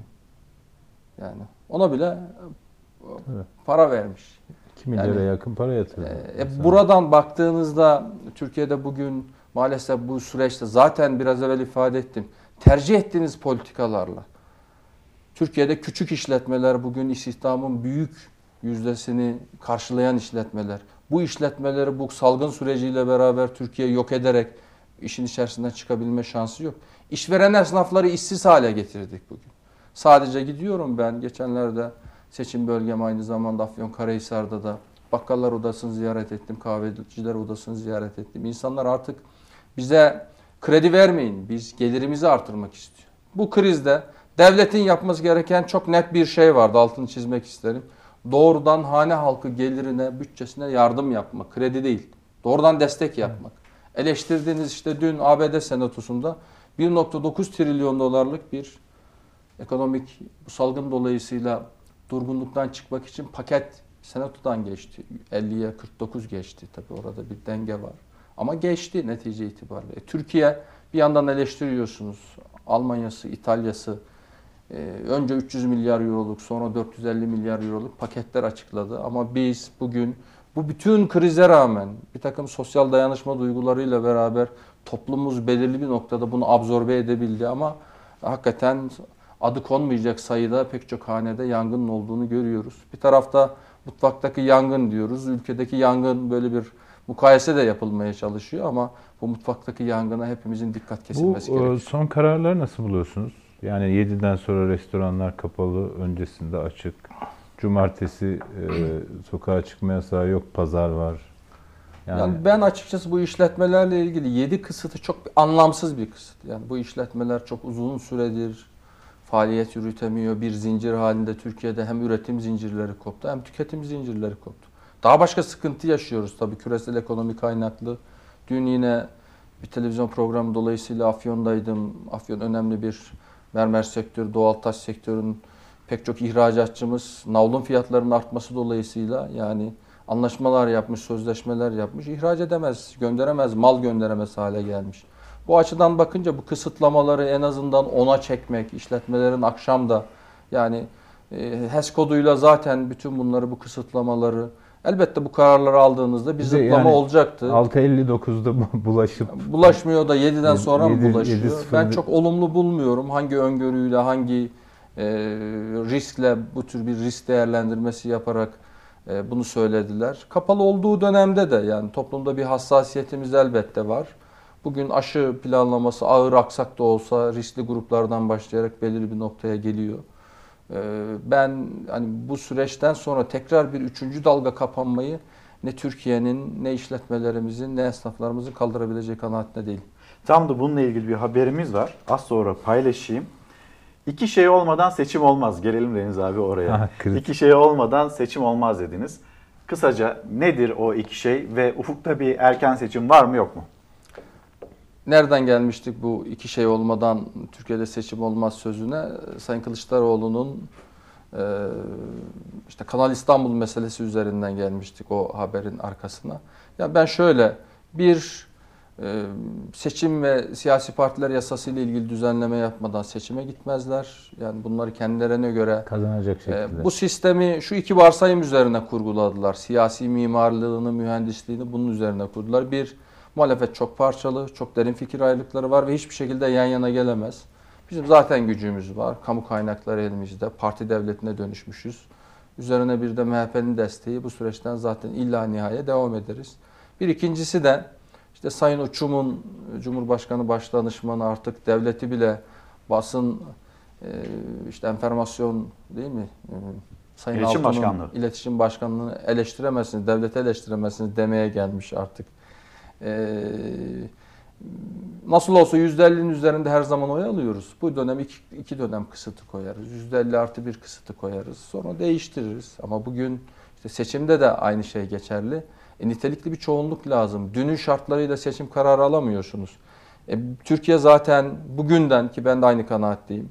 Anayasada bir kişi iki kez seçilebilir diyor. Bu anayasada parlamenter demokratik modelde seçilmek, Cumhurbaşkanlığı hükümet sisteminde seçilmek diye bir şey yazmıyor. Bir kişi iki kez seçilebilir diyor. Büyük Millet Meclisi bir seçim yenileme, erken seçim kararı almadığı müddetçe Sayın Erdoğan'ın ben aday olabileceği kanaati içerisinde değilim.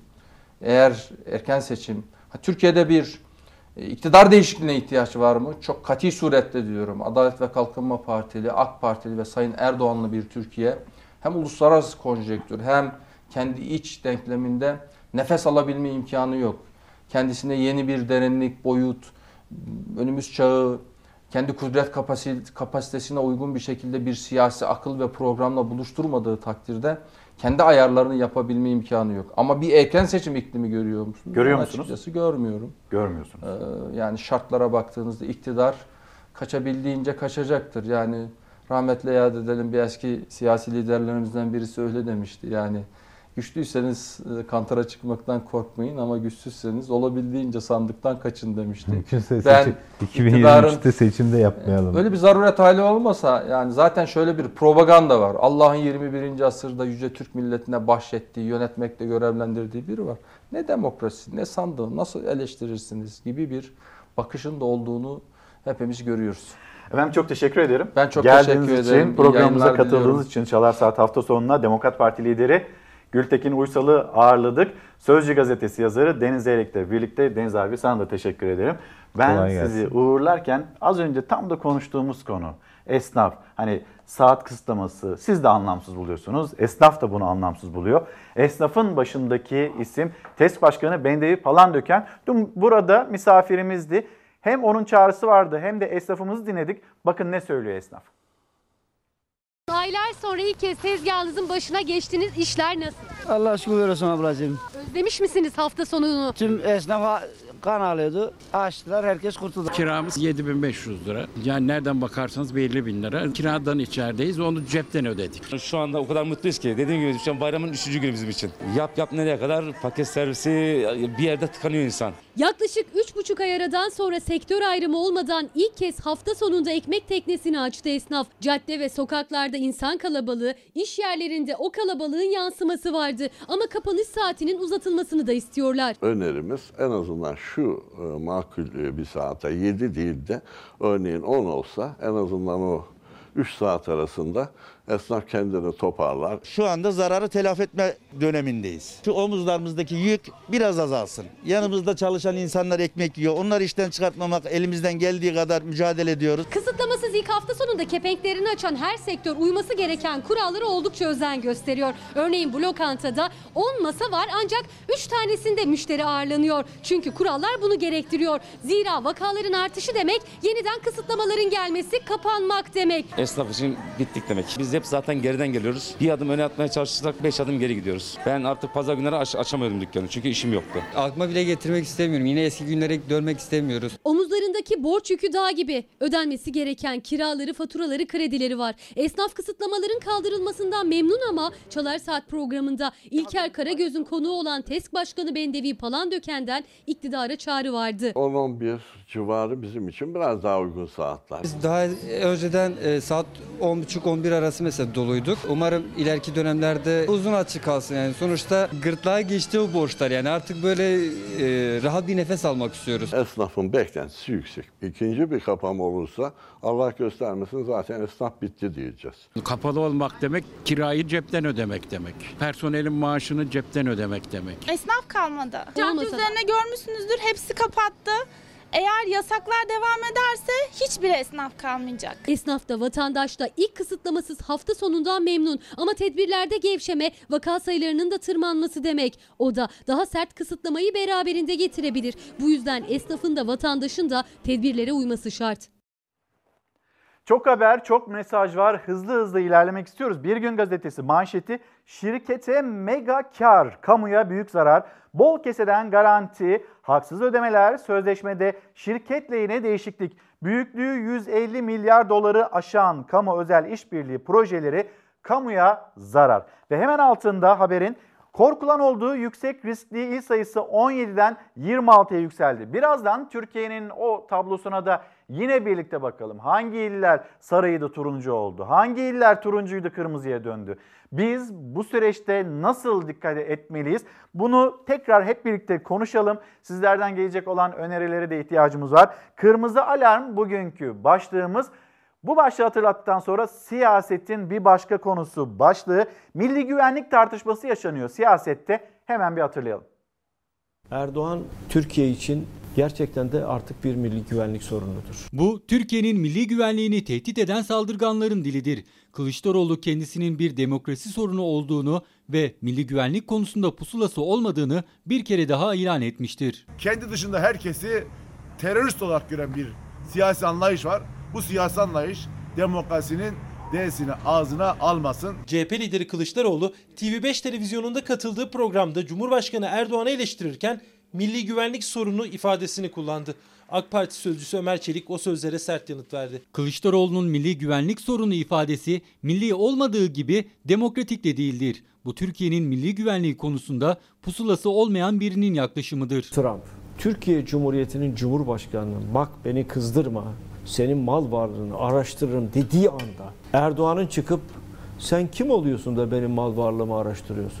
Araştırmazsan namersin demezse ve ağzına bant çekip susarsa o kişi artık egemen güçlerin yönetebileceği konumdadır artık. Cumhurbaşkanımız Türkiye'nin milli güvenlik politikalarına cesaret ve kararlılıkla liderlik etmektedir. Milli güvenliğimizin en büyük dayanağı hak ve menfaatlerimiz konusunda kararlı bu politikalardır. Peki neden gündemi başka yerlere taşıyor da ülkenin sorunlarına getirmiyor? Erdoğan'ın Türkiye'yi yönetme kapasitesini kaybettiğine inanıyorum. Kılıçdaroğlu'nun devletin birliğini temsil eden en üst makamı milli güvenlik sorunu diyerek hedef alması demokrasiden nasibini almadığını kanıtlamaktadır. Trump'ın emriyle Rahip Brunson'ı bırakanlar, yargıya emir verenler demokrasinin D'sini ağzına almasın. Ömer Çelik'e de CHP Genel Başkan Yardımcısı Veli Ağbaba'dan yanıt geldi. İktidarla ana muhalefet hattı gergin. Özlem Hanım günaydınlar. Konya kırmızı ama kimsenin umurunda değil diyor. Çiçek Özdemir selamlarımızı iletelim. Maşallah ne kadar ileri bir ülkeyiz. Hava durumu gibi kırmızı yandı yandan geç, yeşil yandı geç. Ne güzel aklımızda dalga geçiliyor diyor. Çanakkale'de e, sarıdan kırmızıya döndü. Bunu bir hatırlatır mısınız diyor e, Oğuz Bey. E, İsmet Bey selamlarımızı iletelim ve onların bir çağrısı var. İsmet Aldemir ve pek çok izleyicimiz de aslında bu konuyla ilgili mesaj gönderiyor. Görmüyor değiliz. Hemen söyleyelim. S, e, staj SSK başlangıcı olsun etiketi altında 1.3 milyon staj mağduru borçlanma hakkı istiyor. Çağrıları bu şekilde. Kamil Bey aramıza katılan, bizi takip alan bir izleyicimiz. Günaydınlarımızı iletelim. Fatma Hanım'la birlikte bu arada az önce yine bize genç bir arkadaşımız Taylan Deniz o da selamlarını gönderdi. Ekran karşısında olan bir arkadaşımız. Milli Gazete, Milli Gazete'nin manşeti halk soframa ne koysam diyor. Bir avuç azınlık soframda ne eksik diyor. Partisinin il başkanları ve il müfettişleri toplantısında konuşan Saadet Partisi Genel Başkanı Temel Karamollaoğlu, ülkede geçim sıkıntısı artarken bir avuç azınlık ne sıkıntısı, soframızda ne eksik diyor. Siz bir de garibanın sofrasına bakın. O sofrada çöpten toplanan ekmek var diyerek vatandaşın yaşadığı geçim zorluğunun nedenli büyük bir hal aldığına dikkat çekti. Ekonomi haberlerimizde devam edeceğiz. Bir haber daha var. Barış güvercini pozları Irak'ı paramparça eden e, Haçlıların lideri Papa Irak ziyaretinde ülkedeki Şiilerin en büyüğü dini merci Sistani ile bir araya geldi. Bütün dünya dikkatle buradaki temasları da takip ediyor. Hemen bu konuyla ilgili görüntüler, haberler ve Irak'ta verilen mesajları getirelim ekranlarınıza. Papa ilk kez bir Şii liderle bir araya geldi. Antik Ur şehrinde ise Kur'an-ı Kerim dinledi. Katoliklerin ruhani lideri Papa'nın başkent Bağdat'tan ayrılmadan önceki son durağı 11 yıl önce terör saldırısına uğrayan Seyyidetül Necat Kilisesi oldu. Burada cemaate hitap eden Papa Francis, Irak ziyaretinin ikinci gününde rotasını Necef'e çevirdi. Tarihi buluşma için geniş güvenlik önlemleri alındı. Şiilerin dini lideri 90 yaşındaki Ayetullah Ali Sistani 84 yaşındaki papayı evinde ağırladı. 45 dakika süren görüşmede bir arada yaşama ve diyalog mesajları verildi. Papa farklı dinler arasındaki karşılıklı saygı ve iletişimin önemini vurguladı. El Sistani ise dini ve ruhani liderlerin trajedileri durdurmadaki rolüne dikkat çekti. Papa Francis daha sonra Hazreti İbrahim'in doğum yeri olduğuna inanılan Hristiyanlar, Müslümanlar ve Yahudiler için kutsal sayılan Antik Ur kentine gitti. Dinler arası toplantıya katıldı. Burada Kur'an-ı Kerim ve İncil'den bölümler okundu. Papa konuşmasında birlik ve beraberlik çağrısı yaptı. Kardeşliğimizi güçlendirmeliyiz dedi. Fatih abi, Fatih Portakal günaydın diyor ki kırmızı alarm seviyesindeyse ipin ucu kaçmış demektir İlkerim daha ilk haftadan gönderdiği mesaj bu şekilde. Evet abi maalesef tablo bunu gösteriyor. Birazdan Türkiye'nin haritasına bakarız. Hangi iller turuncuya döndü, kırmızıya döndü, hangi iller maviliği ve sarıyı korudu onu da konuşalım istiyoruz. Şimdi gelelim Karar Gazetesi'nde logonun üzerinde kırmızı cumartesi İstanbul'da 100 binde vaka sayısı 111'e yükseldi. 13 hafta sonra kısıtlamasız ilk cumartesi gününde salgın kuralları unutulduğu İstanbul'da trafik yoğunluğu %78'i 80'i buldu. Birçok şehirde caddeler, parklar tıklım tıklım doldu. Sağlık Bakanlığı hata yaparsak bir hafta 10 gün sonra üzülürüz. Yavaş yavaş evin yolunu tutsak uyarısını yaptı. Ardından 100 bin kişi başına düşen vaka sayısını gösteren haritayı paylaştı. İstanbul 89'dan 111'e yükseldi. Marmara'nın tamamında 100 barajı aşıldı. Samsun 348'de zirvede yer aldı. Şimdi Türkiye'nin yeni vaka haritası. 81 vilayetimiz düşük riskli mavi, orta riskli sarı, yüksek riskli turuncu ve çok yüksek riskli kırmızı olarak renklere ayrıldı. İşte o renkler normalleşmenin ilk haftasından değişti. İstanbul 100 binde 89 vaka sayısıyla yüksek riskliydi. Turuncu ile gösteriliyor. Haftalık tabloda vaka sayısı 100 binde 111'e yükseldi. Yani artık İstanbul 100 sınırını aştığı için çok yüksek riskli iller arasında ve kırmızı ile gösterilen bu illerde en sıkı tedbirler uygulanıyor. Restoranların açılması yasak. Böyle giderse İstanbul iki haftada bir güncellenecek tedbirler kapsamında yeniden kapanacak. Aksi bir durumda yani salgın artış eğilimine girdiği yerlerde kısıtlamalar tekrar genişletilebilecek. İstanbul'da sağlık yöneticilerimizle bir araya gelerek salgının seyrini değerlendirdik. Polikliniklerimizde hasta artışı olduğu görülüyor. Sağlık Bakanı Fahrettin Koca sağlık yöneticileriyle yaptığı toplantının ardından İstanbul'daki gidişatın iyi olmadığına dair sinyal vermişti. Yeni günde ise 27 Şubat 5 Mart haftasını kapsayan vaka haritasını paylaştı. Neredeyse bütün illerde vaka sayılarında artış var. Yüksek riskli illerimiz risklerini düşürmek için daha tedbirli olmalı. Normalleşme kontrollü gerçekleşmeli. İstanbul'umuz şu anda yüksek riskli şehirler listesinde ve rengi turuncu. Biz buna razı olamayız.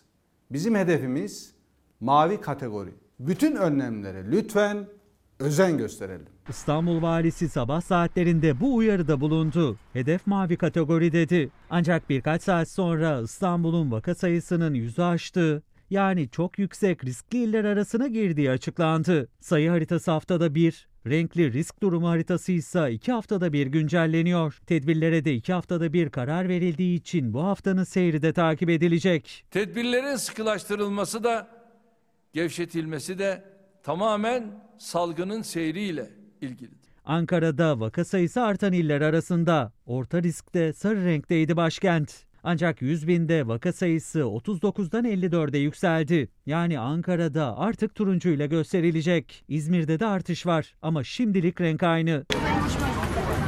Karadeniz bölgesi vaka sayısı açısından en riskli bölge olmaya devam ediyor. İlk sırada Samsun var. 100 binde 262 olan vaka sayısı 348'e yükseldi. Türkiye'nin tablosu bu şekilde. Şimdi sosyal medya üzerinde Sağlık Bakanı bu açıklamayı yaptıktan, haritayı paylaştıktan sonra konunun uzmanları hangi değerlendirmelerde bulundu? Hemen ekranlarınıza taşıyalım. Zeki Berk ki kendisi e, yine Fatih Tank'la, Profesör Doktor Fatih Tank'la hani Türkiye haritası, değişen veriler ve bunun üzerine analizler yapan önemli, kıymetli isimlerden birisi. Zeki Berk'in sosyal medya paylaşımına geldiğimizde geçen hafta çok yüksek risk seviyesinde olan illerin toplam nüfusu 12 milyondu. Bu hafta 34 milyona çıktı. Bununla ilgili bir de grafik var, görsel var. Hemen aktarmış olalım. Yani kırmızı bölgede yaşayan vatandaşlarımızın sayısı 34 milyon. Turuncu bölgede bulunan nüfusumuzun sayısı 20 milyon ve hemen altında sarı bölge 13 milyon ve yine e, mavi bölgede bulunan nüfusumuzun diğer illere kıyasla ne kadar daha az olduğunu görüyorsunuz. Ama geçtiğimiz haftaya baktığımızda çok yüksek risk seviyesinde olan illerin toplam nüfusu 12 milyondu. Şimdi 34 milyona kadar yükselmiş oldu. Kayahan Pala bir halk sağlığı uzmanı zaman zaman görüşlerine başvuruyoruz ve yani bu süreci dikkatle takip eden, düşüncelerine değer verdiğimiz önemli isimlerden birisi. Sağlık Bakanlığı tarafından yeni açıklanan haftalık COVID-19 yeni olgu sayılarına göre 26 ilde yeni olgu sayısı 100 binde 100'ün, 48 ilde 100 binde 50'nin üzerinde ve 61 ilde ilk haftaya göre artış gözlemlenmiş. Bunlar henüz yeniden açılmanın etkileri de değil. Biz bunu iki hafta sonra göreceğiz hatırlatmasını yapıyor. Türk Tabipler Birliği aşılama hızı gittikçe düşüyor. Yeni risk gruplarına aşı randevusu açılmıyor. Aşı yok, strateji yok, bilimsel salgın yönetimi yok. Aşı bekleyen milyonlar var. Aşı yapılacak sağlık çalışanları var. Aşılamayı yavaşlatan bir bakanlıkla karşı karşıyayız. Güven vermeyen bir yönetim var diyor Türk Tabipler Birliği. Ve Derya Unutmaz, Profesör Doktor Derya Unutmaz yine bu süreci hani uluslararası makaleleri de okuyarak takip eden bir isim umut veren cümleleri var kendisinin. Korona tedavi cephesinden iyi haber. Aralık ayında çok umutlu olarak bahsettiğim Molnupiravir adlı antiviral ilacın faz 2 insan denemelerinde enfekte kişilerde virüsü büyük ölçüde azalttığı görüldü. Faz 3'te başarılı olursa tedavide bir dönüm noktasıyla karşı karşıya olabiliriz. Belki de Dünya Sağlık Örgütü ve direktörünün açıklamaları bu doğrultudadır. 10 ay sonra biz bu meseleyi halledeceğize varan cümleler, umut veren cümleler ve yine Derya Unutmaz'ın bütün herkese umut var cümlelerini sizlerle paylaşmış olduk. Ve şimdi bir de Hürriyet gazetesine bakalım. Hürriyet gazetesi Merkel bırak bizi gidelim. Hani turizm konusunda bir normalleşme. Nisan ayında acaba her şey yoluna giderse ki tabloya baktığımızda pek de öyle gitmiyor. Her şey yoluna giderse Nisan ayında bir sezonu açacağız. Bunun için bütün mücadele. Bir yandan da turizm sektörünü ayakta tutmamız gerekiyor. Türkiye'ye bu yaz Alman turist göndermek isteyen Alman turizm temsilcileri engelleri kaldırması için Başkan Angela Merkel'e çağrı yaptı. Cumhurbaşkanı Erdoğan da Angela Merkel'le görüştü. Bu konuyla ilgili hazırlıklar ne aşamada aktaralım. Giremiyor muyuz? Vaktimiz yetmiyor mu Hilal? O zaman tamam hemen bir mola verelim. Reklamlara gidelim. Döndüğümüzde turizme nasıl can suyu olacak ya da nasıl bir adım atılması gerekiyor bu süreçte onu aktaralım. Mola reklamlardan sonra dönüşte buluşalım. Bir kez daha günaydın. Nurgül Hanım selamlar. Tüm dünya normale dönse biz dönemeyiz. Bir ileri iki geri gidiyoruz diyor. Derya Bey e, Tarsus'tan yazıyor. Böyle giderse Türkiye haritasının tamamı kırmızı olur. Çarşı, pazar, cadde, sokak her yer ana baba günü. Hüsnü Hanım günaydınlar sizlere de selamlarımızı iletelim.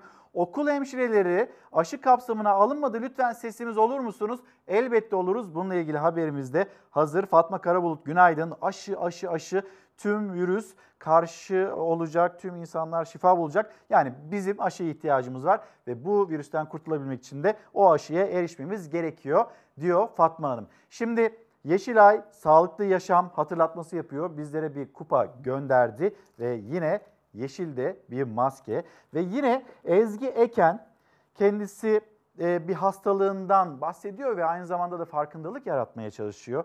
Doğuştan spino e, serebellar ataksi hastası bireyim. 27 yaşındayım. Kurumsal bir firmada insan kaynakları biriminde çalışıyorum.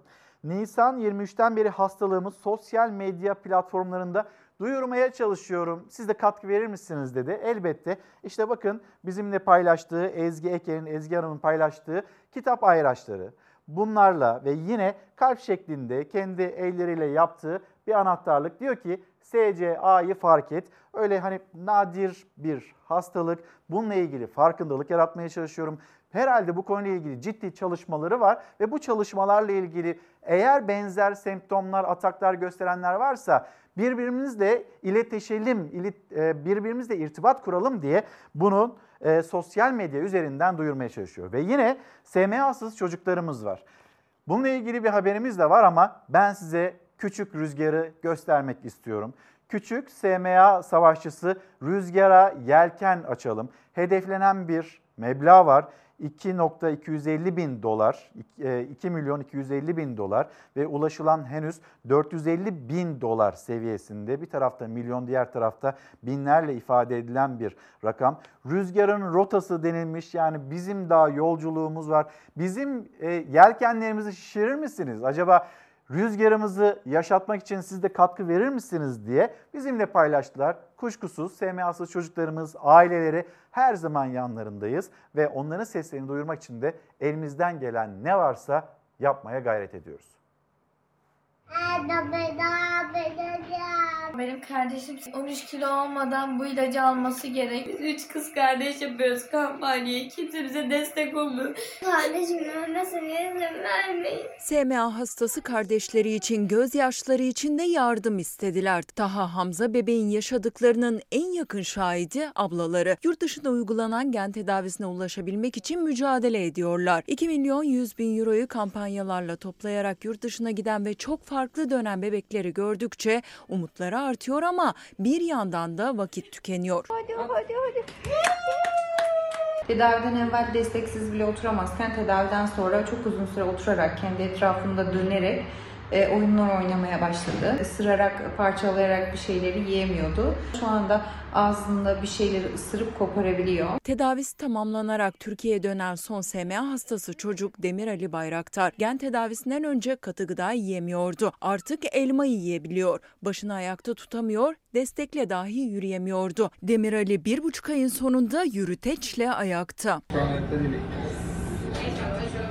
Bunlar SMA tip 1 hastası bir bebek için çok büyük gelişmeler. O yüzden çok mutluyuz. Gen tedavisi de hastalığın gidişatını durdurmak ya da yavaşlatmaya yönelik erken başlanması gerekiyor. O zaman sonuçlar daha yüz güldürücü. SMA hastalığını ve tedavilerini inceleyen çocuk nörolojisi uzmanı Profesör Doktor Haluk Topaloğlu'na göre ailelerin umut bağladıkları gen tedavisine ne kadar erken erişilirse başarı şansı da o kadar yüksek oluyor. Zaten sadece Demir Ali'de değil, Doğu Ülker ve Pamir'de yine kampanyalar sayesinde bebekken tedaviye ulaşan SMA hastaları arasında.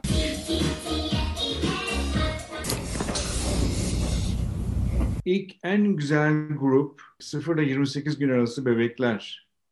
İkinci grup 3 aydan küçük bebekler. Üçüncü grupta 6 aydan küçük ki bunu istemiyoruz. Bu geç bile. Ondan sonra aynı derece etkinlik olacağını öngöremiyoruz. E, bu tedavinin 6 aydan önce yapılması şiddetle tavsiye edilir. Şu kuzucuğuma bakar mısınız ya? Ben bir anne olarak nasıl onun gözümün önünde erimesine müsaade edeyim? Ben oğlumu kaybetmek istemiyorum. 16 gündür hastanede mücadele veren SMA hastası Aziz Cemal'in ailesi de Profesör Doktor Haluk Topaloğlu'nun önerdiği gibi olabildiğince erken gen tedavisine ulaşmak istiyor. Ancak ilaç hala SGK kapsamında değil. Yurt dışı ilaç listesine alınmasına rağmen ödeme listesine alınmadı. Ailelerin 2 milyon 100 bin euroya kısa sürede ulaşabilmeleri ise mümkün olmuyor. SGK'nın karşıladığı tedavide ise en ufak bir aksaklıkta ilerleme kaydedemiyor çocuklar. İlaç kesiliyor. Türkiye'deki mevcut tedaviden 4 doz aldı fakat hiçbir dozun zamanında alamadım. Çok kayıp oldu. Şu an hiç ağızdan bir damla su bile içemiyor. Anne, mama, Taha Hamza Karaca'nın da 13,5 kiloya ulaşmadan gen tedavisine ulaşması gerektiğini söylüyor doktoru. Ancak Sağlık Bakanlığı bu tedaviye mesafeli olduğu için kampanyalara destek de azaldı. Bebeğin ailesinin umudu günden güne eriyor. Biz 5 aydır bir kampanya başladık ve kampanyamız daha yeni, yeni yüzde bir oldu. Her an ölüm korkusuyla yaşıyoruz. Baharla birlikte hani o güzel görüntüler de ortaya çıkıyor ya mesela kuzucukların anneleriyle kavuşma anı birazdan o görüntüyü getireceğiz ekranlarınıza. Serpil Hanım diyor ki böyle giderse kapanmalar yakındır. Tüm Türkiye kapanırsa kimse şaşırmasın. Yılmaz Tosun umarım her şey güzele yön alır. Zira sokaklar insan yumağı resmen bu hatırlatmayı yapıyor. İnsanlar salgın yokmuş gibi maskesiz dolaşıyor. Uyara uyara bıktık insanları Aslı Hanım'ın gönderdiği mesaj. Ve bir izleyicimiz de Ankara'da acaba ne kadar oldu ekmeğin fiyatı ben 1 lira 75 kuruştan aldım diyor. Ben de dün 1 lira 75 kuruştan aldım. Şimdi fırıncılar zam yapılmasını istiyor, girdilerini hatırlatıyor. Ankara Valiliği devreye girdi. Hayır böyle bir zam yapamazsınız 1 lira 25 kuruştan ya da 1,5 liradan 1 lira 75 kuruşa çıkartamazsınız. Böyle bir şekilde valilik devreye girdi. Ama siz bugün 1 lira 75 kuruştan almışsınız. Ben de dün aynı fiyattan aldım. Fiyat şu anda bu şekilde en azından bunu söylemiş olalım. Ve gelelim Bahar'ın habercisi kuzucuklar.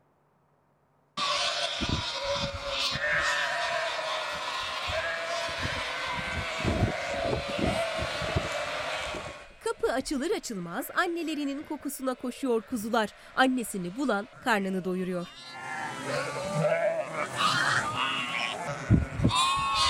Baharın habercisi diyor göçerler Tunceli'deki bu iç ısıtan görüntüye. Kuzular bir ağılda, anneleri bir ağılda kalıyor. Amaç birkaç haftalık kuzuları hem ot yeme hem de su içmeye alıştırmak. Günde sadece iki kez anneleriyle buluşturulan kuzular sabah ve akşam kapılar açılır açılmaz dışarıya onları bekleyen annelerinin yanına koşuyor. Her biri kalabalık arasından kendi annesini buluyor.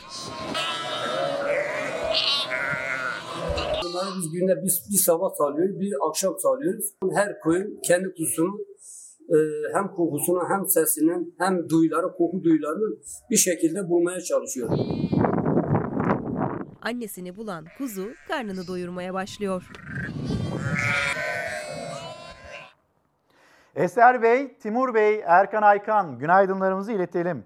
Sinan Sözmen, gen tedavisi zamanında yapılmazsa SMA hastası çocuklarımız kırmızı alarm, onlar için kırmızı alarm seviyesine gelinecek. Yani biz Aziz Cemal için de, Rüzgar için de, SMA hastası olan çocuklarımız için de elimizden geldiğince seslerini duyurmaya gayret ediyoruz. Bir gen tedavisi var ve bu gen tedavisinin de çocuklarımıza şifa olduğunu görüyoruz. Aileler çocuklarının karşılarında o ilacı aldıktan sonra nasıl e, düzeldiklerini anlatıyorlar.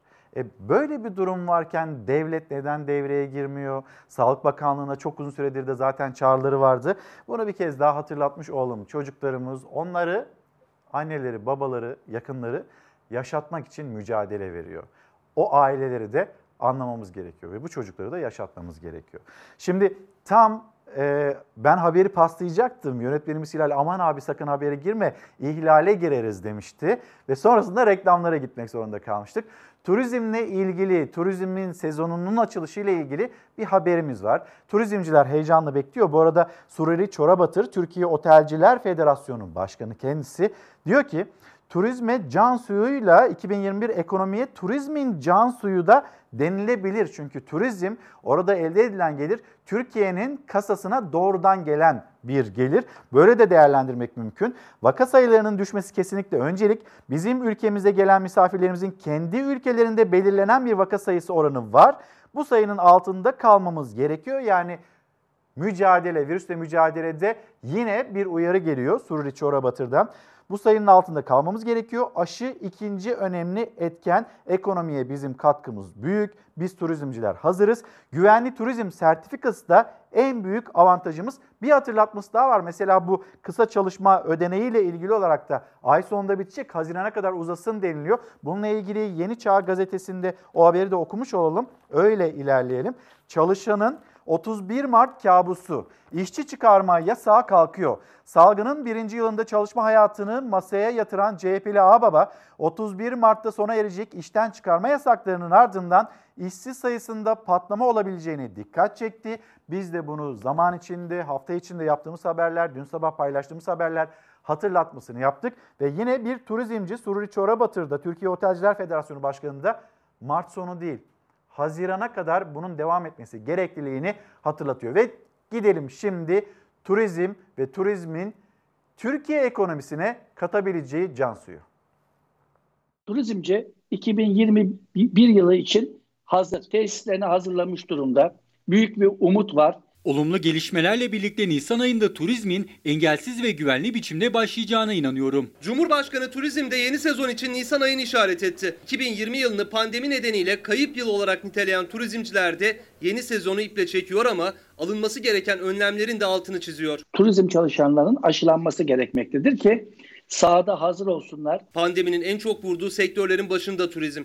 Geçen yıl hedeflenen turist sayısının gerisinde kalındı. 2021 yılı turizm sezonu için daha önce Turizm Bakanı Nisan ayını işaret etmişti. Cumhurbaşkanı Erdoğan da Alman şansölye Merkel'le yaptığı görüşmede turizm sezonu için Nisan ayı dedi. Mayıs sonu gibi uluslararası seyahatin başlayacağına dair sinyaller aldık. Geçen sene 15 milyon turist geldi. 2021 yılında tahmin olarak 30 milyona yakın bir turist yakalayabiliriz. Bu yıl umutlar daha yüksek ama sezon açılmadan sektör çalışanlarının aşı önceliğine alınması gerektiğini söylüyor turizmciler. Konaklama sektöründe tahmin olarak 1,5 milyon civarında bir aşılanması gereken turizm çalışanı var. Bir çarpanla baktığımız zaman 5 milyona yakın yanındaki hediyelik eşyacısı, tur otobüsçüsü, acantacı, rehberi, Ege Turistik İşletmeler ve Konaklamalar Birliği Başkanı Mehmet İşler, turizm sektöründe faaliyet gösteren yaklaşık 5 milyon kişinin aşılanması gerektiğini söyledi sezon başlamadan.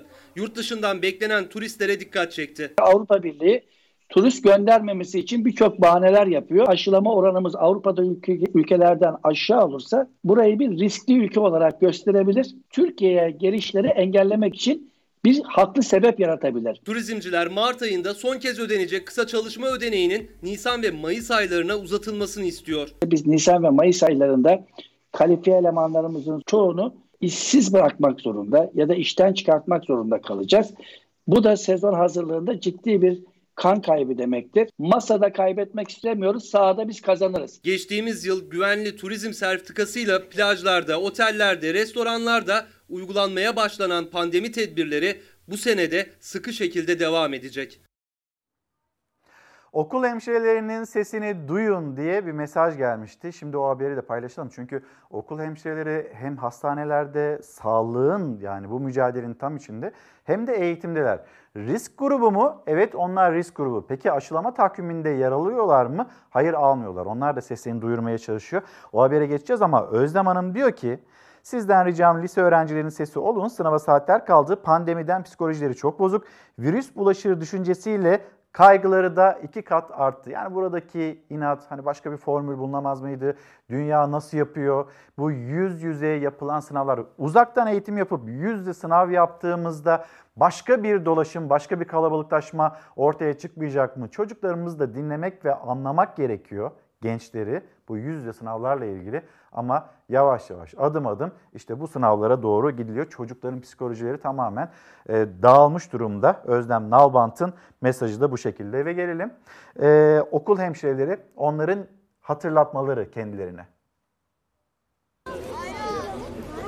Gün içerisinde Covid şüphesiyle başvuran birçok e, öğrenci ve öğretmen e, oluyor. Bunların içerisinden pozitif çıkanlar da oluyor maalesef ve biz bunlarla yakın temasta kalıyoruz. Okul hemşireleri listeye alınmadı mı aşı listesine? Aşı listesinde yok. Şu ana kadar aşı programına alınan iki meslek grubu var. Biri sağlık çalışanları, diğeri ise eğitimciler. Okul hemşireleri ise hem birer sağlık çalışanı hem de eğitimin merkezinde virüs tehdidiyle çalışıyorlar. Yüz yüze eğitimin başlamasına rağmen aşı programına alınmadılar hala. Okul hemşirelerinin de e, 100, 200, 300, 400 öğrencilerle birebir e, gerekli hemşirelik uygulamalarını yaptıkları için e, riskli grupta oluyorlar aslında. Okul hemşireleri Milli Eğitim Bakanlığı'na bağlı olarak çalışıyorlar. Sağlık kurumlarında çalışan arkadaşlarımız kadar biz de risk altındayız. Fakat aşı önceliğimiz maalesef yok. 4 yıldır Bursa'da özel okulda hemşire olarak görev yapıyor Çağla Çolak. Okulların kademeli olarak açılmasıyla birlikte o da öğretmenler gibi işine döndü. Salgın döneminde öğrencilerin sağlığı için görev başında ama aşı listesinde onun adı yok. Pandemi süreci maalesef bizi de çok etkiledi. En azından bu süreçte bizim için bireysel başvuru yapıp randevu alabileceğimiz bir sistem geliştirilmesi gerektiğini düşünüyorum. Okul hemşirelerinin bu talebi Türk Hemşireler Derneği'nin de gündeminde. Dernek Başkanı Sevilay Şenol Çelik gelen şikayetler üzerine Sağlık Bakanlığı'na durumu iletti. Ancak henüz dönüş olmadı. Biz aslında Sağlık Bakanlığı'na gittiğimizde, görüşmelerimizde e, okul hemşirelerinin de aşılanması konusunda taleplerimizi bildirdik. Sağlıkta performans önünde emektir. Yeni geldi yemeğe gidemedik. Yeni geldi giydiğimiz kıyafetler, taktığımız maskeler yüzünden 6 saat, 10 saat, 20 saat su içmeden, tuvalete gitmeden çalışmak zorunda kaldık. Pişman mıyız? Hayır değiliz. Okul hemşirelerinden aşı talebi yükselirken hastanelerdeki sağlık çalışanları da bir kez daha seslerini duyurmak için eylemdeydi. Salgında neredeyse bir yılın geride kaldığını hatırlattılar. Bu süre zarfında hala ek ödemede adalet sağlanamadığını söylediler. İnsanların ölüm kalım mücadelesi verdiği bu dönemde maaş ile ilgili bir talebi konuşmayı şimdiye kadar doğru bulmadık. Fakat ek ödeme olarak yapılan adaletsiz dağıtım bu konuda açıklama yapmamızı ve harekete geçmemizi zorunlu kılmıştır. Biz sağlık emekçileri alnımızın terinin hakkımızı istiyoruz. Sağlık emekçileri haklarını istiyor. Biz burada çalışmaktan dolayı pişmanlık duyuyor muyuz? Asla duymuyoruz. Ama hani bize alkışlıyorsunuz ya da bizimle ilgili övgü dolu cümleler kuruyorsunuz. E bizim haklarımız onları da bari unutmayın diyorlar. Haksızlar mı? Sonuna kadar haklılar. Ee, yine Hürriyet gazetesine geri dönecek olursak İstanbul bir haftada kızardı. Biraz daha böyle hani bugün İstanbul'da sokağa çıkmak yasak. İstanbul'la birlikte hem turuncu illerde hem kırmızı illerde sokağa çıkma kısıtlaması devam ediyor. Ama işte Ankara, Ankara'nın tablosu değişti. Önümüzdeki iki hafta içinde acaba nasıl bir vaka sonucuyla karşı karşıya kalacağız?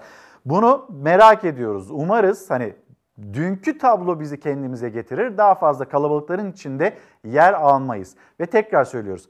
Esnaf için bunu başarmamız gerekiyor. Çocuklarımız için, onların eğitim hayatına devam edebilmeleri için bunu başarmamız gerekiyor ve kalabalıklardan maske, mesafe, hijyen bir sürü zaten artık böyle çok uzun süredir de ezberlenen konular, başlıklar var ve buna riayet, dikkat etmek gerekiyor. Şimdi İstanbul bir haftada kızardı derken geçen hafta yüksek riskli illerin arasında bulunan İstanbul'da risk daha da arttı. Sağlık Bakanı Fahrettin Koca'nın 27 Şubat 5 Mart arası vaka sayılarının bulunduğu illerin haritasını paylaşması. Bunu gösterdik. İstanbul'da kızaran e, ya da kırmızıya dönen iller arasında. Biz bu meseleden nasıl daha çabuk kurtuluruz diye herkes kafa yorarken kuşkusuz karşımıza aşı çıkıyor. Aşı noktasında elimizden geldiğince hani biz duyurmaya çalışsak da Sağlık Bakanlığı yetkilileri biz harikayız, çok hızlı aşılama kapasitesine sahibiz deseler de e şimdi aşı olmayınca hızlı bir kapasiteye sahip olmanın da bir e, veri olarak karşımıza çıkması doğru olmuyor. Aşıya ihtiyacımız var. Aşı ile ilgili de tartışmalar devam ediyor bu arada. Sağlık Bakanı CHP'yi, CHP lideri Kemal Kılıçdaroğlu'na hedef aldı. Aşıya ödenen miktarlar bunun tartışması da Meclis Genel Kurulu'nda devam ediyor. ilişkin bir soru sormuştuk. Ne kadar harcıyorsunuz diye bu aşılara ne kadar ödüyorsunuz diye. Sağlık Bakanı şöyle bir şey ifade bulundu. Dedi ki aşıları biz Çin devletiyle anlaşma yaparak getiriyoruz. Arada hiçbir aracı yok. Sonra da genel başkanımız madem öyle hiçbir aracı yok 1 milyon aşının ücretsiz ülkeye gelen 1 milyon aşının bedelini neden bir aracı şirketine ödediniz diye sordu. Bizim itirazımız Sağlık Bakanı'nın kendisine. Neden? Çünkü Sağlık Bakanı şöyle bir şey söyledi. Dedi ki biz doğrudan Çin'den bu aşıları alıyoruz. Aracı falan yok. Sözleşmeyi de doğrudan Çin firmasıyla yaptık. Bugün ben burada ikinci bir yalanı ortaya çıkartacağım. Hani üç muhatabın üç ayrı açıklamasını bir tarafa bırakarak 1 milyona ilişkin açıklama yaptılar. 1 milyonun karşılığı 12 milyon TL verilen tutar 4 milyon aşıya tekabül ediyor. Türkiye'de 10 milyon üstünde aşı geldi. Diğer gelen aşılar likit halde geldi. Yani mamul form halinde gelmedi, enjeksiyon halinde gelmedi. Diğer gelenler likit halde geldi ve bunun gümrük fatura tutarı 7 dolar. 7 dolara 1 dolarda flakonlama ücreti ilave ettiğinizde ederi 8 dolar. Buradan çıkan tablo şudur. 6 milyon aşının 7 dolardan 8 dolardan maliyetiyle yaklaşık 24 milyon dolar ek bir ödeme vardır. 10 milyon aşıda 30 milyon 36 milyon dolarlık bir kayıp söz konusudur. Küçük bir memleket turu yapalım. Önce Mersin Mezitli. Deniz suyu çekildi, tarih ortaya çıktı. Pek çok medeniyete ev sahipliği yapan Mersin'in Mezitli ilçesinde deniz suyunun çekilmesiyle antik limanın bir kısmı ortaya çıktı. Mezitli Belediyesi'nden yapılan açıklamaya göre milattan sonra 2. ve 3. yüzyıllar arasında önemli bir liman kenti olduğu ortaya çıkan Soli Pompeiopolis antik kentinin limanına ait olduğu değerlendirilen taşlar görünür hale geldi. Mendirekler, iskele ve dalga kıranlar da deniz yüzeyinin üzerine çıktı. Mezitli Belediye Başkanı Neşet Tarhan da antik kente giderek limanın yer aldığı bölgede incelemede bulundu. Doğu ve batı mendireğini görüyoruz uçlarını. Arkamda doğu mendireği var. Karşımda batı mendireği var.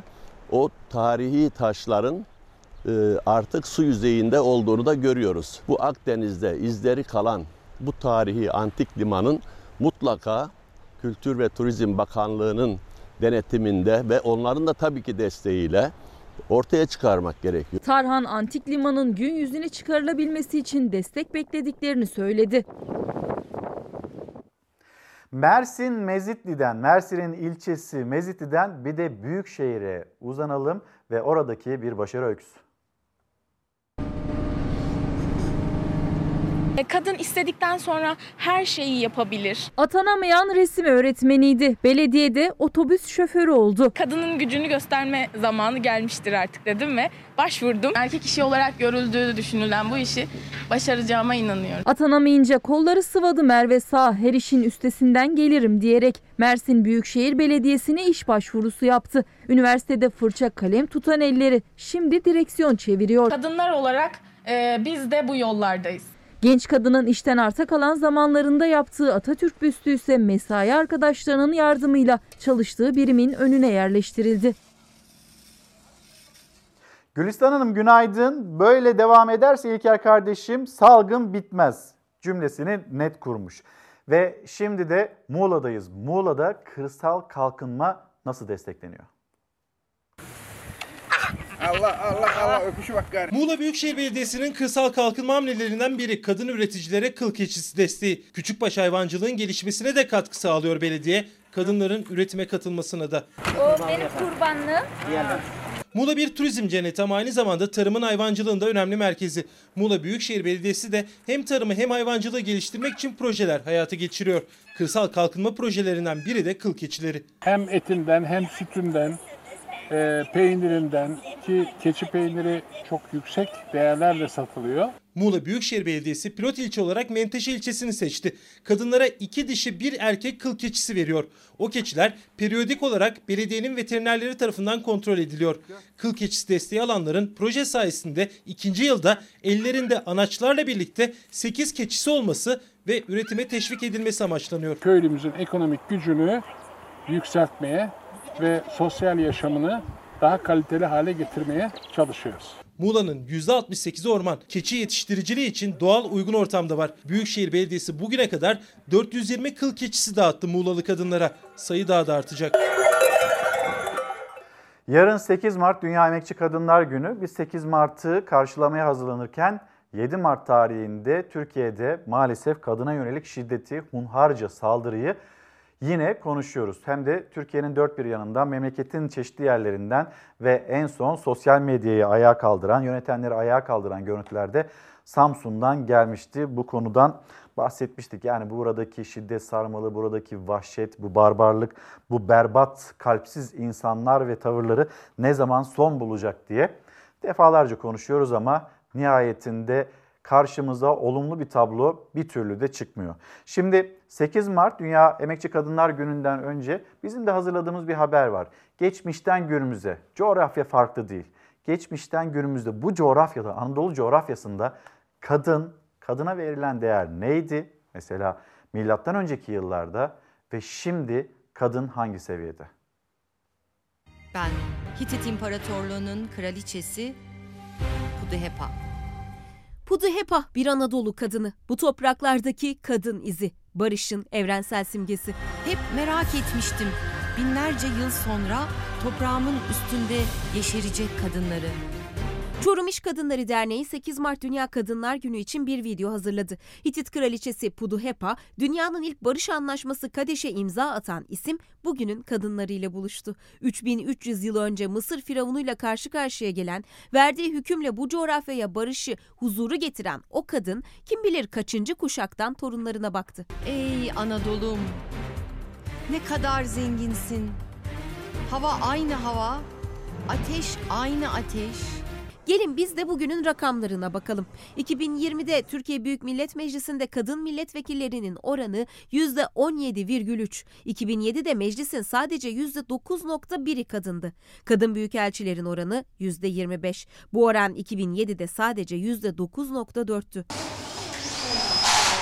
Türkiye İstatistik Kurumu İstatistiklerle Kadın 2020 çalışmasının sonuçlarını açıkladı. Önceki yıllara göre rakamlar umut verici ama pek çok konuda hala hak ettikleri eşitliğe ulaşamadı kadınlar. Örneğin istihdamda 2019'da 15 ve daha yukarı yaştaki istihdam edilen kadınların oranı %28.7, erkeklerin oranı %63,1. En az üniversite mezunu 25 ve daha yukarı yaştaki nüfusun toplum içindeki oranı 2019'da kadınlarda %18,5, erkeklerde %23,1 olarak hesaplandı.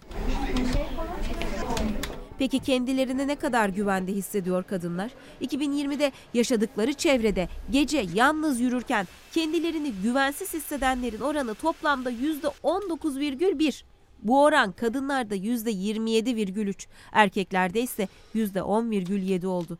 Kadınların sadece %48,7'si kendilerini güvende hissettiğini bildirdi. Çetin Emeç hatırası sonsuza dek yaşayacak.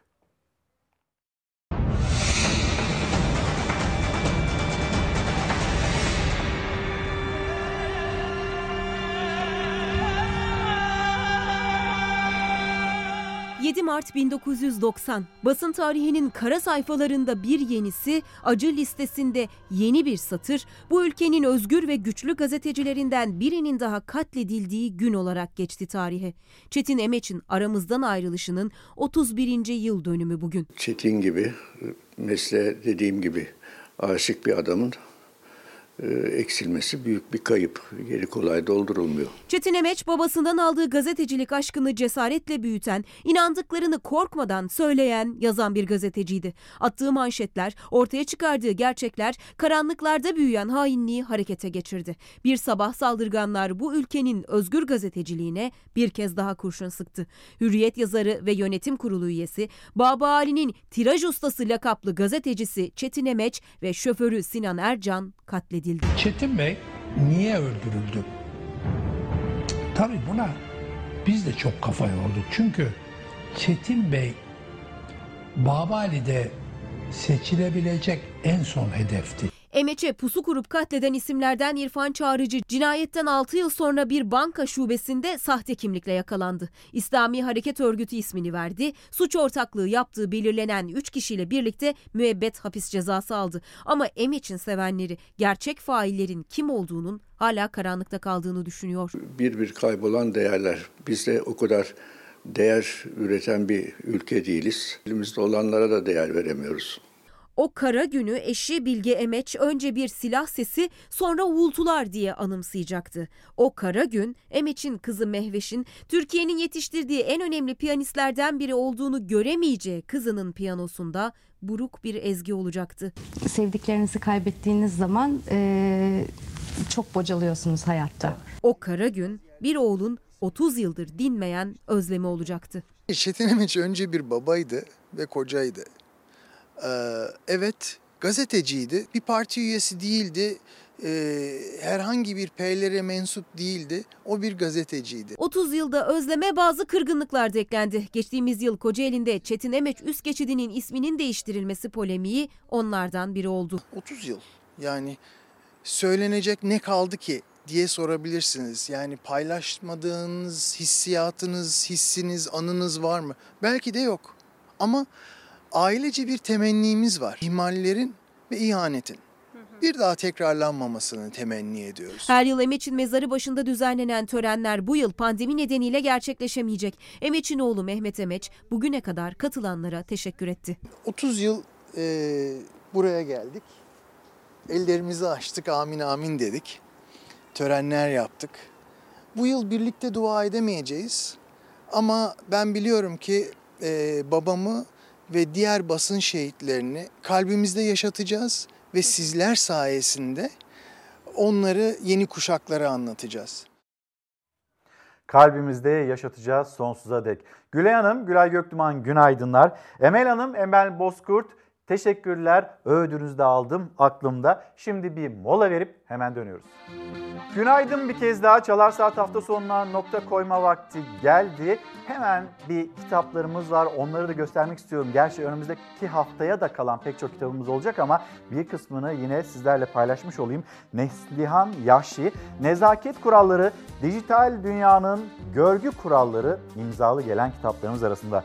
Göksel Aksel, Robinson'a aşık olmak, Vaveyla, Yolu Kadın Sığınma Evinden Geçenlerin Öyküsü Gülhan Avşar'ın yazdığı ve bizimle paylaştığı kitap. Türkiye'm Sen Bir Ömre Bedelsin Soner Göktürk. Hasretim, Hasreti Sevdim Gülsüm Baldiş. Sema Soykan Bir Köy Enstitüsü romanı Keşke. Hemen bunu da göstereyim.